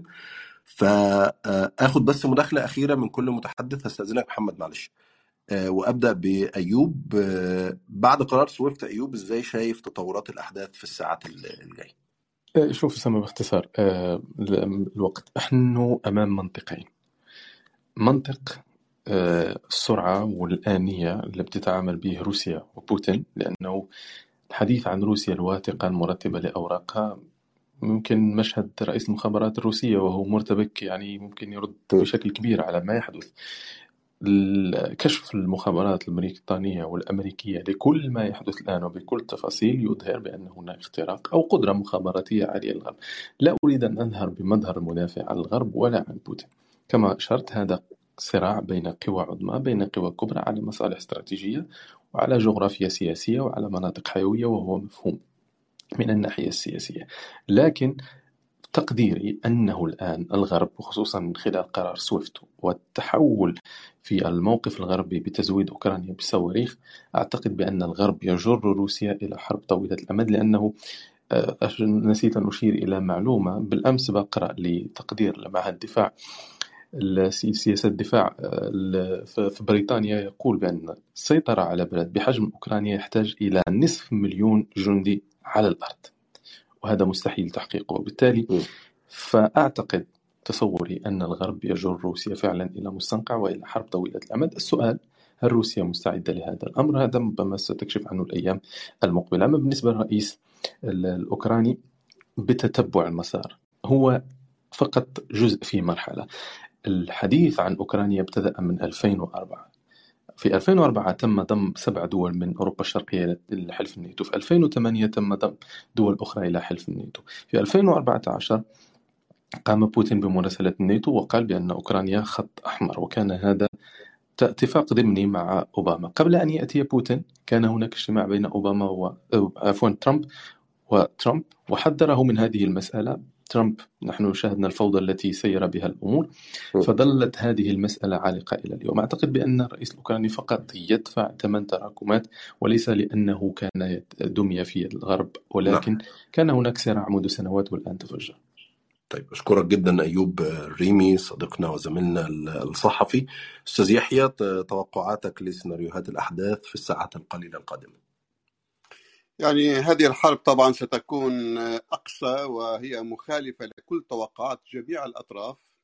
صحيح الرئيس بوتين ربما لم يحسب حسابات كاملة لما يجره إليه الغرب. كان يتوقع أنه مجرد الضغط وإدخال قواته كافية لإسقاط النظام بكييف وتعديل موازين القوى هذا لم يحدث. هناك إمكانية للمقاومة ولكن أنا أقول بأن أيضا هذا الثعلب الكبير وتعلم اللعبة أيضا تلعبها أمريكا في كل العالم. هو ليس مضطر إلى أن يخوض أفغانستان أخرى. لا تتوقع ذلك وأنا لا أتوقع ذلك. هو لن يكون في أفغانستان أخرى. هو من الممكن أيضا أن يسحب قواته ويضع البلد في حرب أهلية طويلة الأمد. يعني هذه من مشاكل هذه الدول الصغيرة التي تقع في صراعات الدول الكبرى. الآن هناك إمكانية لأن ينسحب بوتين ويدعم عناصر كثيرة مؤيدة له يعني مقاطعات مؤيدة له ويضع البلد في حرب أهلية إلى أن يتم الاتفاق على تسويات ترضي ما يعتبره حق آه، له. النقطة الأخيرة فقط في دقيقة نعم. واحدة. نحن لا نحسب حساب هنا على أساس يعني أخلاقيات هذه حرب لا علاقة لها بالأخلاقيات. وكما تقدم أحد الزملاء وقال يعني عندما نريد أن نأخذ موقف أخلاقي نأخذه بناء لمعاييرنا ولكن هذه حرب نحن لن نستشر فيها ولا رأينا له آه، آه، يعني أهمية كبيرة ويعدل موازين القوى نحن فقط نحلل الواقع كما هو. هذا الواقع كما هو أخي الكريم الولايات إذا كنا نلوم روسيا أو أو نتهم روسيا أو نعتب على روسيا في في لحظة أو في موقف أو هنا وهناك فإن ثلاثة عقود من الهيمنة الأمريكية على القرار الدولي لم يشهد منها العالم مرة واحدة موقفا عادلا موقفا أخلاقيا فجرت عشرات الحروب في العالم وضعت أكثر من نصف الكرة الأرضية في حروب أهلية من أمريكا الجنوبية إلى أفريقيا إلى منطقتنا في الشرق الأوسط إلى أوروبا نفسها. أمريكا إذا تسيدت على العالم فعلينا أن ننتظر مستقبلا أسوأ بكثير مما شهدناه في الثلاثين عاما الماضية. طب يعني يحيى أنا أشكرك طبعا أستاذ يحيى حرب المحل السياسي ولكن حرب لا فيها ولا آه، جمل كما تقول ولم نخترها وهي فرضت على العالم ولسنا طرفا فيها. يعني أليس من الأولى اخلاقيا لنا كصحفيين كمحللين ك يعني. كإنسان طبيعي أن أتعاطف مع ضحايا هذه الحرب من الأطفال من النساء من الأبرياء الذين يعني أشاهدهم وهم ينامون في العراء أو في الملاجئ أليست هذه أخلاق حرب من المفترض أن نلتزم بها جميعا؟ من غير شك أنا أرفض الحرب أرفض أي حرب و يعني يا ريت أستطيع أن أفرض السلام أفرض الوئام وهذا ما كنت أدعو إليه هذا ما قلته انت في بداية حديثي. لو كان عاقلا الرئيس الأوكراني لكان سلك هذا السليك نعم. هذا السبيل. لكان حافظ على نوع من التوازن بين القوتين الكبريين الذين تتجاذبانه الآن وحافظ على هذا السلام وجنب بلده هذا الخراب وهذا الدمار. هذا هو المنطق الصحيح. هذا ما أدعو إليه. هذا يجب أن يحدث. أما أن الحرب واقعه فأنا لا أتمنى أن تنجح أمريكا وتفوز فيها أمريكا لأن فوز أمريكا يعني هيمنة جديدة من أسوأ المراحل التي مر بها العالم كله. اليوم م. أخي الكريم رؤساء أمريكا لا يتنافسون بما أنجزوا بما ولا ولا تتمنى هيمنة روسيا بما كم واحد عم كم حرب عمل. حتى أوباما الناعم والبشره السمراء و13 حربا فجرها في العالم. يعني هؤلاء أصحاب مآسي وأصحاب دمار. نحن كيف نقف معهم وكيف نساعدهم وكيف نهلل لفوزهم وسيطرتهم على العالم؟ يا حرب بالتأكيد لا أحد لا يتمنى لا هيمنه أمريكا ولا بالتأكيد هيمنة روسيا لأن الروس مش أحسن من أمريكا. يعني جهاد لو تعطينا رأيك في دقيقتين. تفضل. يعني بتقديري بأنه بالنسبة للقرار أو القرار اللي اتخذ من الاتحاد الأوروبي والولايات المتحدة حول يعني تعليق عضوية العقوب يعني تعليق عضوية روسيا بالبرنامج سويفت بتقديري بانه هذه ستكون يعني بمعنى ستؤدي إلى هزه في الاقتصاد ليس فقط روسيا وإنما في اقتصاد العالم بمعنى أن الاقتصاد اقتصاديات العالم تحديدا الدول الكبرى هي اقتصادات مرتبطة ومتشابكة وتتاثر بشكل أو بآخر. بالنسبة للوضع توقعاتي بمعنى للوضع في داخل في هذه المعركة بتقديري بأنه قد يكون ما قاله الأستاذ يحيى بأنه بوتين يستطيع أن يسحب قواته وبتقديري هو قد يلجأ إلى هذه لكن هذا مرتبط بقدرة القوات الروسية على السيطرة على العاصمة وبمعنى استحداث أو خلق حكومة ترضى عنها روسيا. وسنكون أمام حكومتان حكومتين واحدة برأس عند روسيا والآخر عند الغرب بزعامة الرئيس الأوكراني الحالي زيلينسكي. وهذا حتى بالعرض الذي قدم لزيلينسكي في من الولايات المتحدة الأمريكية عندما طلبت منه أنها تستطيع إخراجه من كييف. كانت لا تريد إخراجه خارج أوكرانيا ولكن أخذه إلى منطقة آمنة وقريبة لأنه بالنسبة للولايات المتحدة الأمريكية هو رئيس شرعي ومنتخب ب 73% وله مؤيدين وداعمين في الشارع الأوكراني وبالتالي هو يستطيع أن يقود مرحلة الصراع أو المقاومة كما بين متوجهين لمواجهة الحكومة التي قد تفرضها روسيا في في أوكرانيا وبالتالي ستدخل البلاد في حالة صراع حرب أهلية.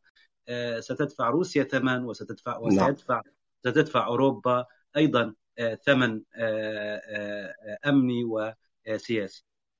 شكرا جزيلا الصحفي الكبير والزميل العزيز جهاد أبو فلاح. عبد الرحمن تفضل.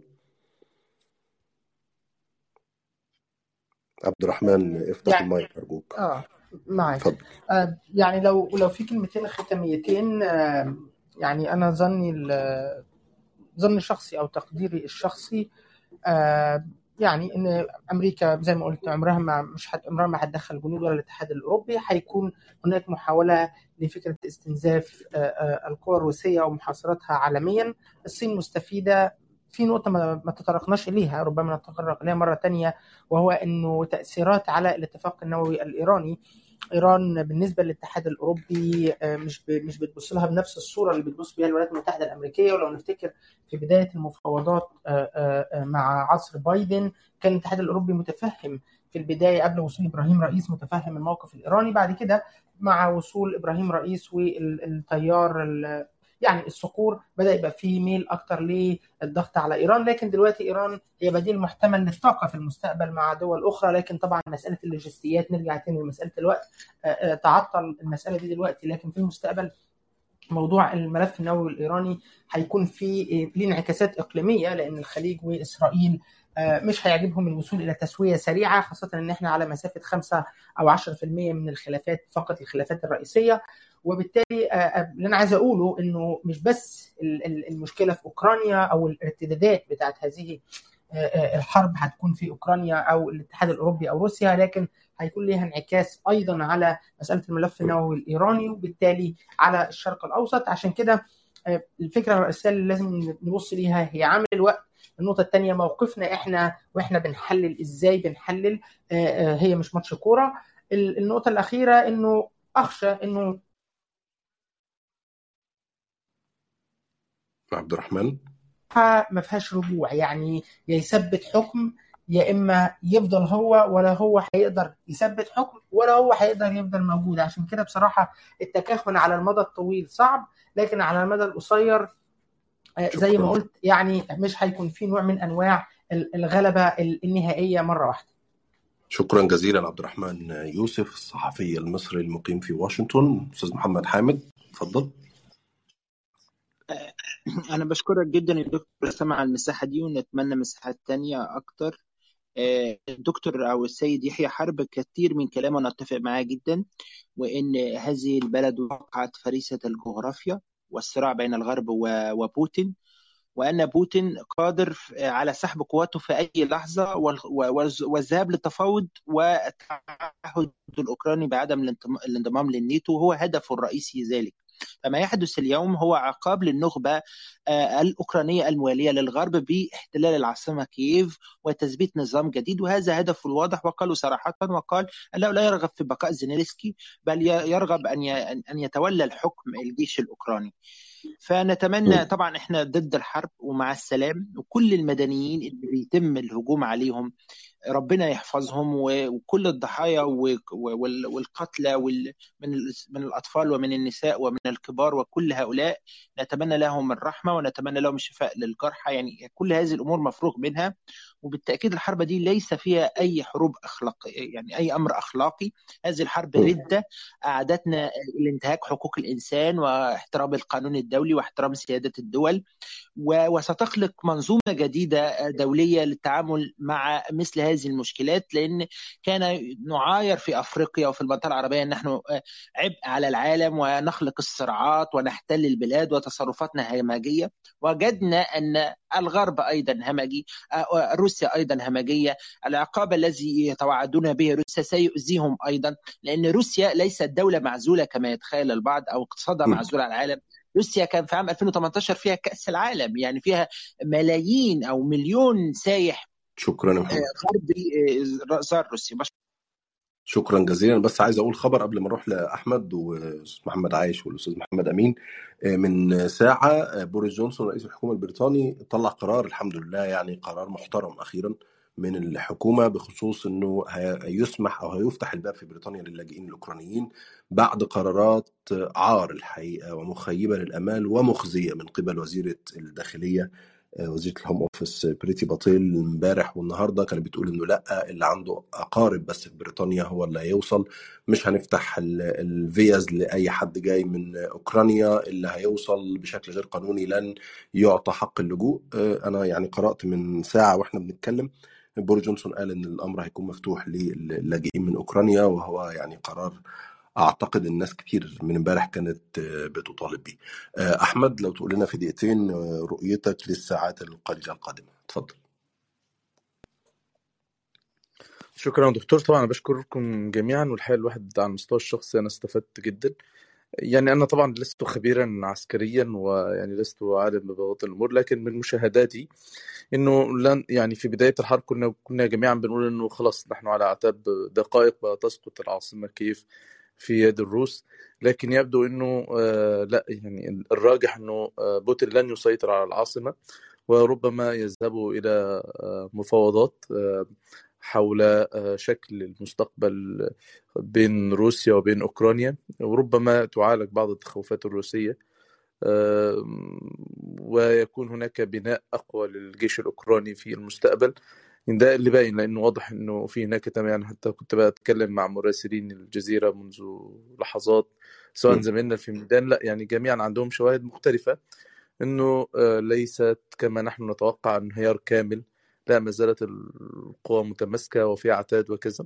فيبدو إنه إن المعركة لن تحسم هذه الأيام وربما لن تحسم وفي النهاية يذهبوا إلى التفاوض لأنه الروس أمس قالوا إن إحنا كنا يعني قبلنا الوساطة والأوكران رفضوا وبالتالي استكملت العملية العسكرية اليوم. النهارده في أكثر من حديث سواء الرئيس الأوكراني سواء أردوغان في وسيط جديد دخل الروس بيتكلموا الآن عن مفاوضات.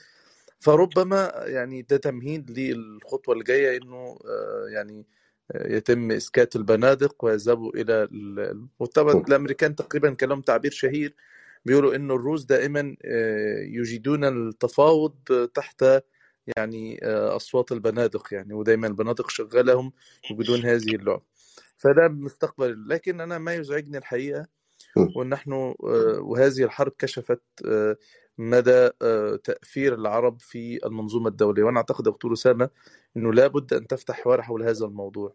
أين العرب من المنظومة الدولية؟ يعني لم لم لا نؤثر حتى في دولة هي نحن نتأثر بها يعني أوكرانيا نحن مرتبطين ومتأثرين بشكل كبير سواء في الغاز سواء لأنه روسيا هي أكبر مصدر للغاز وأوكرانيا من الدول الأكبر في تو في تو في توريد القمح خاصة إحنا كمصريين مثلا بنستورد 80% من القمح. وبالتالي العرب لم يكن لديهم أي دور في هذه ولا ولا أحد يعني اعارهم اهتماما بهذه القضية. فايضا ده سؤال يطرح في المستقبل أين العرب من المنظومة الدولية؟ يعني ال... يعني أنا دائما أتحدث عن أردوغان انه هو الصوت القوي ان أردوغان الوحيد الذي يتحدث عن أن العالم أكبر من خمس دول. العالم أكبر من روسيا من الصين من أمريكا من أعتقد يعني في خمس دول هم لهم حق الفيتو في مجلس الأمن. العالم أكبر من خمس دول أعتقد إيطاليا أعتقد لندن ودولة أوروبية. وبالتالي إنه العرب ما عندهمش ده. فأنا أتمنى إنه لو تطرح نقاش في الفترة القادمة على أين العرب. من المنظومة الدولية أعتقد ده سؤال مهم عنوان مهم جدا. والله يا أحمد وأكيد هنتكلم فيه. أشكرك جدا الصديق العزيز والباحث السياسي أحمد البقري ونتحول للاستاذ محمد عايش. أعتقد الدقيقتين مش هيكفوه. كان المفروض نتكلم معاه من ساعة عن السويفت. الحمد لله رمى قنبلة في الحوار. من يستطيع ردع روسيا؟ ومن ساعتها وإحنا بنحاول نجاوب على السؤال. وهنرجع تاني لموضوع السويفت اتفضل يا محمد. طيب أنا أنا أبدأ بس بتوضيح الخبر اللي قرار اللي صدر قبل قليل أو أعلنته الاتحاد الأوروبي وأمريكا. آه، القرار لا يتعلق بروسيا. يتعلق ببعض البنوك بنوك. الروسية أو بنص القرار selected bank and fin- financial آه، bodies. يعني آه، مؤسسات مالية مختارة تم فصلها أو تجميدها في نظام السويفت هذا طبعا راح يسبب متاعب للتجارة ال- الخارجية بالنسبة لروسيا لكن ما راح يقطع روسيا عن عن العالم. ويعني راح يصير في عمليا هي جزء من العقوبات المفروضة على بعض البنوك لأنه أصلا في بنوك روسية أخذوا قرار امبارح وأول امبارح بتجميد أصولها. م. أصولها واستثماراتها في في الدول الغربية. نفس هذه البنوك تم تجميد تحويلاتهم المالية عبر نظام سويفت. هاي ال- اللي حصل.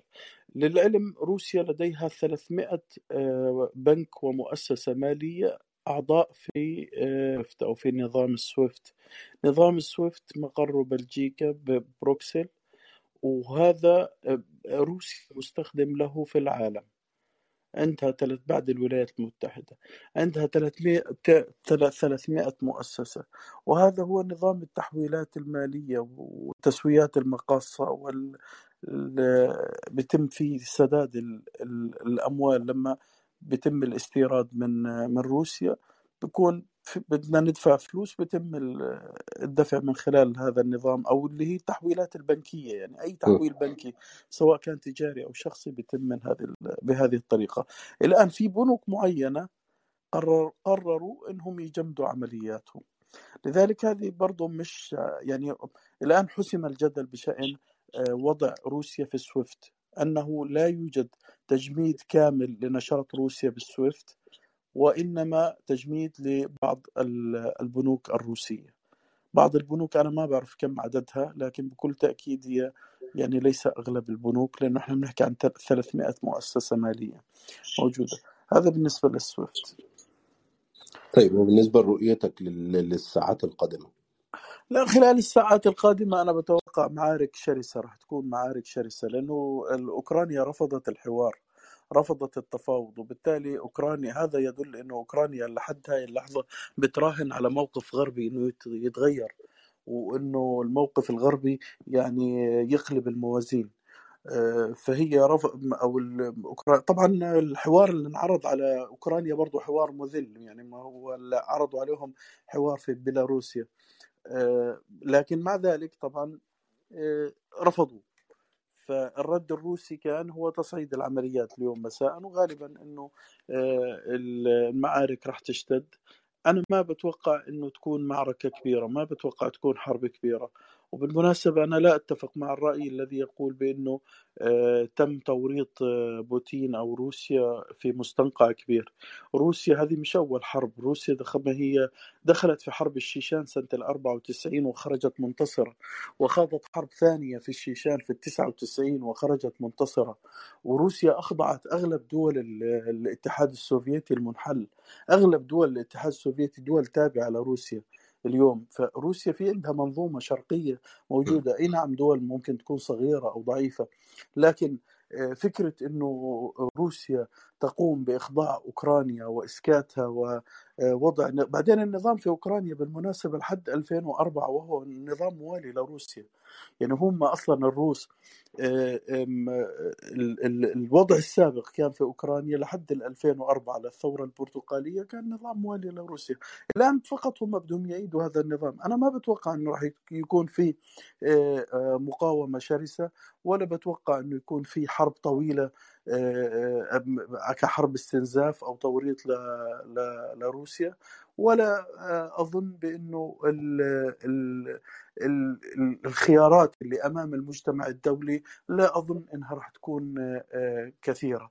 وإن كنت أتمنى أن يكون هناك رادع لروسيا. طبعا أنا بحكي التحليل السياسي الذي أراه وليس ما ما أتمناه فقط للعلم يعني. أنا أتمنى أن لا تنجح روسيا في إخضاع أوكرانيا وأن لا تنجح روسيا في في في حرب بيكون ضحيتها أطفال ومدنيين. أتفق مع كل الإخوة بأنه هذه حرب غير أخلاقية هذه متفقين عليه. لكن أنا بقول ما اراه ما اراه العقوبات الاقتصادية غير مجدية.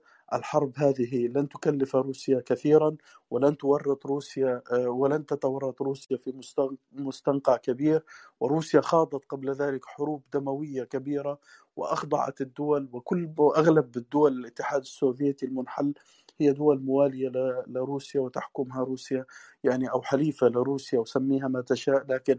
آه، آه، تظل تظل في في تدور في الفلك الروسي شكرا جزيلا الكاتب والصحفي محمد آه، عايش. ونختم مع الأستاذ محمد أمين. تفضل يا محمد.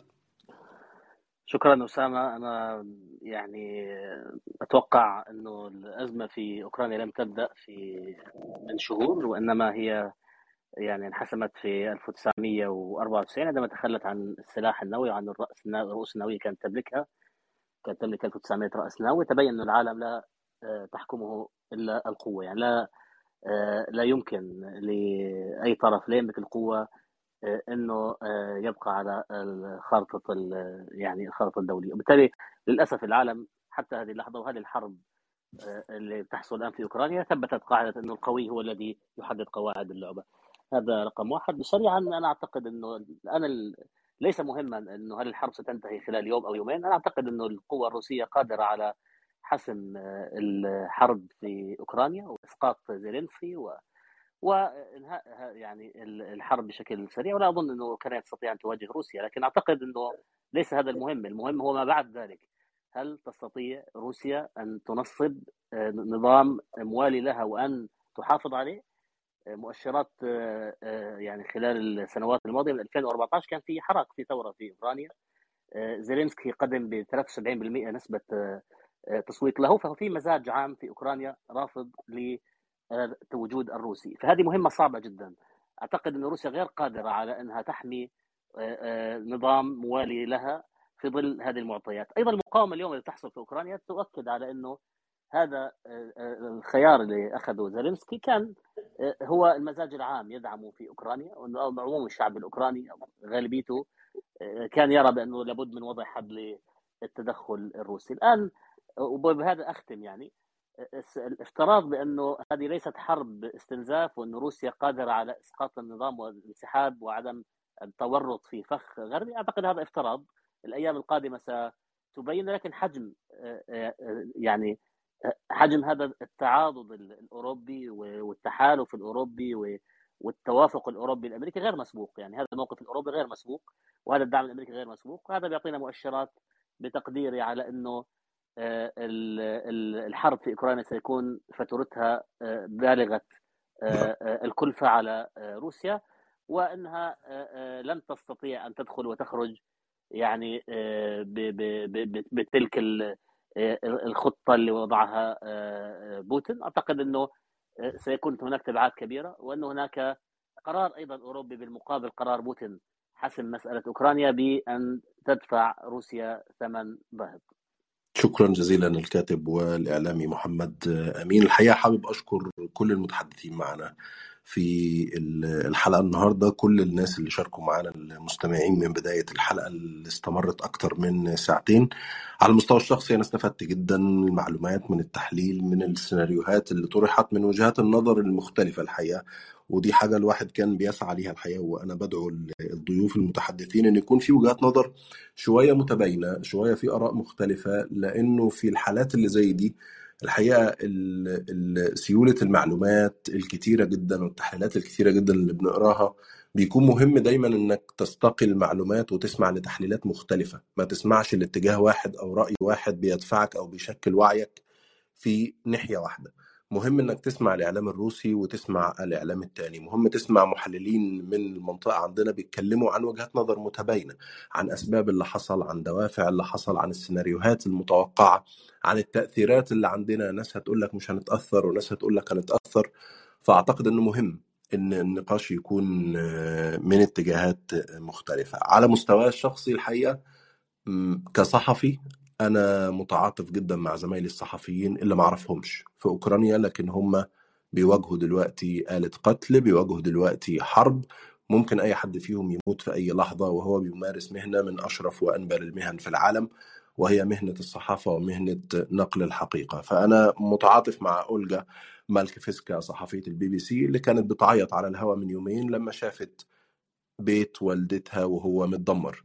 في إحدى المدن الأوكرانية. متعاطف مع مراسل شبكة فايس نيوز ماثيو كاسل اللي كان ماشي في الميدان الرئيسي في كييف العاصمة وبيقول تحولت المدينة لمدينة أشباح. من 48 ساعة كانوا الناس هنا بيعملوا شوبينج والأطفال بيلعبوا لكن دلوقتي ما بقاش في أي حد. على المستوى الإنساني كإنسان شاف القتل قدام عينيه في 2013 يوم ربع العدوية. أجبر إنه يخوض رحلة اللجوء مرتين مرة في تركيا ومرة في بريطانيا. فأنا الحقيقة يعني أشعر بكل إنسان في أوكرانيا بقاله 48 ساعة. فجأة ملوش بيت ملوش شغل بيبوس عياله بيودعهم وهو مش عارف هيشوفهم تاني ولا لأ. بيوديهم مكان تاني وبيكتب على إيديهم فصيلة الدم بتاعتهم عشان لو ماتوا يتعرف هم مين ولا فصيلة دمهم إيه. أنا حاسس بكل أب في في أوكرانيا ملوش في الكلام ده خالص لكن أجبر فجأة ولقى بلده بتتدمر. مين المسؤول؟ أنا الحقيقة كإنسان زي ما قلت. أنا حاليا بتكلم مش كصحفي ولا إعلامي ولا محلل سياسي بتكلم كإنسان مصري. عاش تجربة اللجوء عاش تجربة القتل قدامه الإجبار على الخروج من بلد لبلد. فأنا دايما في وقت زي ده هكون داعم للأبرياء اللي في أوكرانيا. أطفال أو رجالة أو نساء أو شيوخ أو ايا كان هو بيعمل إيه. أنا شفت فيديوهات لشباب مصريين طلبة بيبحثوا عن الأمان وهم خارجين من أوكرانيا وبيصرخوا ومش عارفين هم هيموتوا ولا هيعيشوا. دول شباب كانوا رايحين منحة أو رايحين يدرسوا فجأة حياتهم انقلبت. الحرب دمار الحرب شيء كريه جدا. حتى النزاع مش بس الحرب النزاع اللي بيحصل أو القمع اللي بيحصل في أي دولة هو شيء كريه جدا. بيروح ضحيته أبرياء بيروح ضحيته ناس مش عايز أقول ملهاش دعوة بحاجة لكن في ناس كان بيبقى ليها دعوة بتبقى عايزة تعمل حاجة وفي الآخر بتواجه آلة قمع وآلة قتل. لا أحد يحب الحرب ولا أحد يتمنى الحرب. الحرب شيء كريه. إن كانت هذه حرب لا أخلاق فيها فأعتقد أن الكلمة الأخيرة في هذه الحلقة فلننتصر نحن لأخلاقنا فلننتصر لإنسانيتنا ولندعم الإنسان في أوكرانيا. ضحية هذه الحرب. بشكركم جدا على هذه الحلقة وإن شاء الله نشوفكم السبت القادم في حلقة جديدة من بودكاست آخر كلام مع أسامة جويش تصبحوا على خير.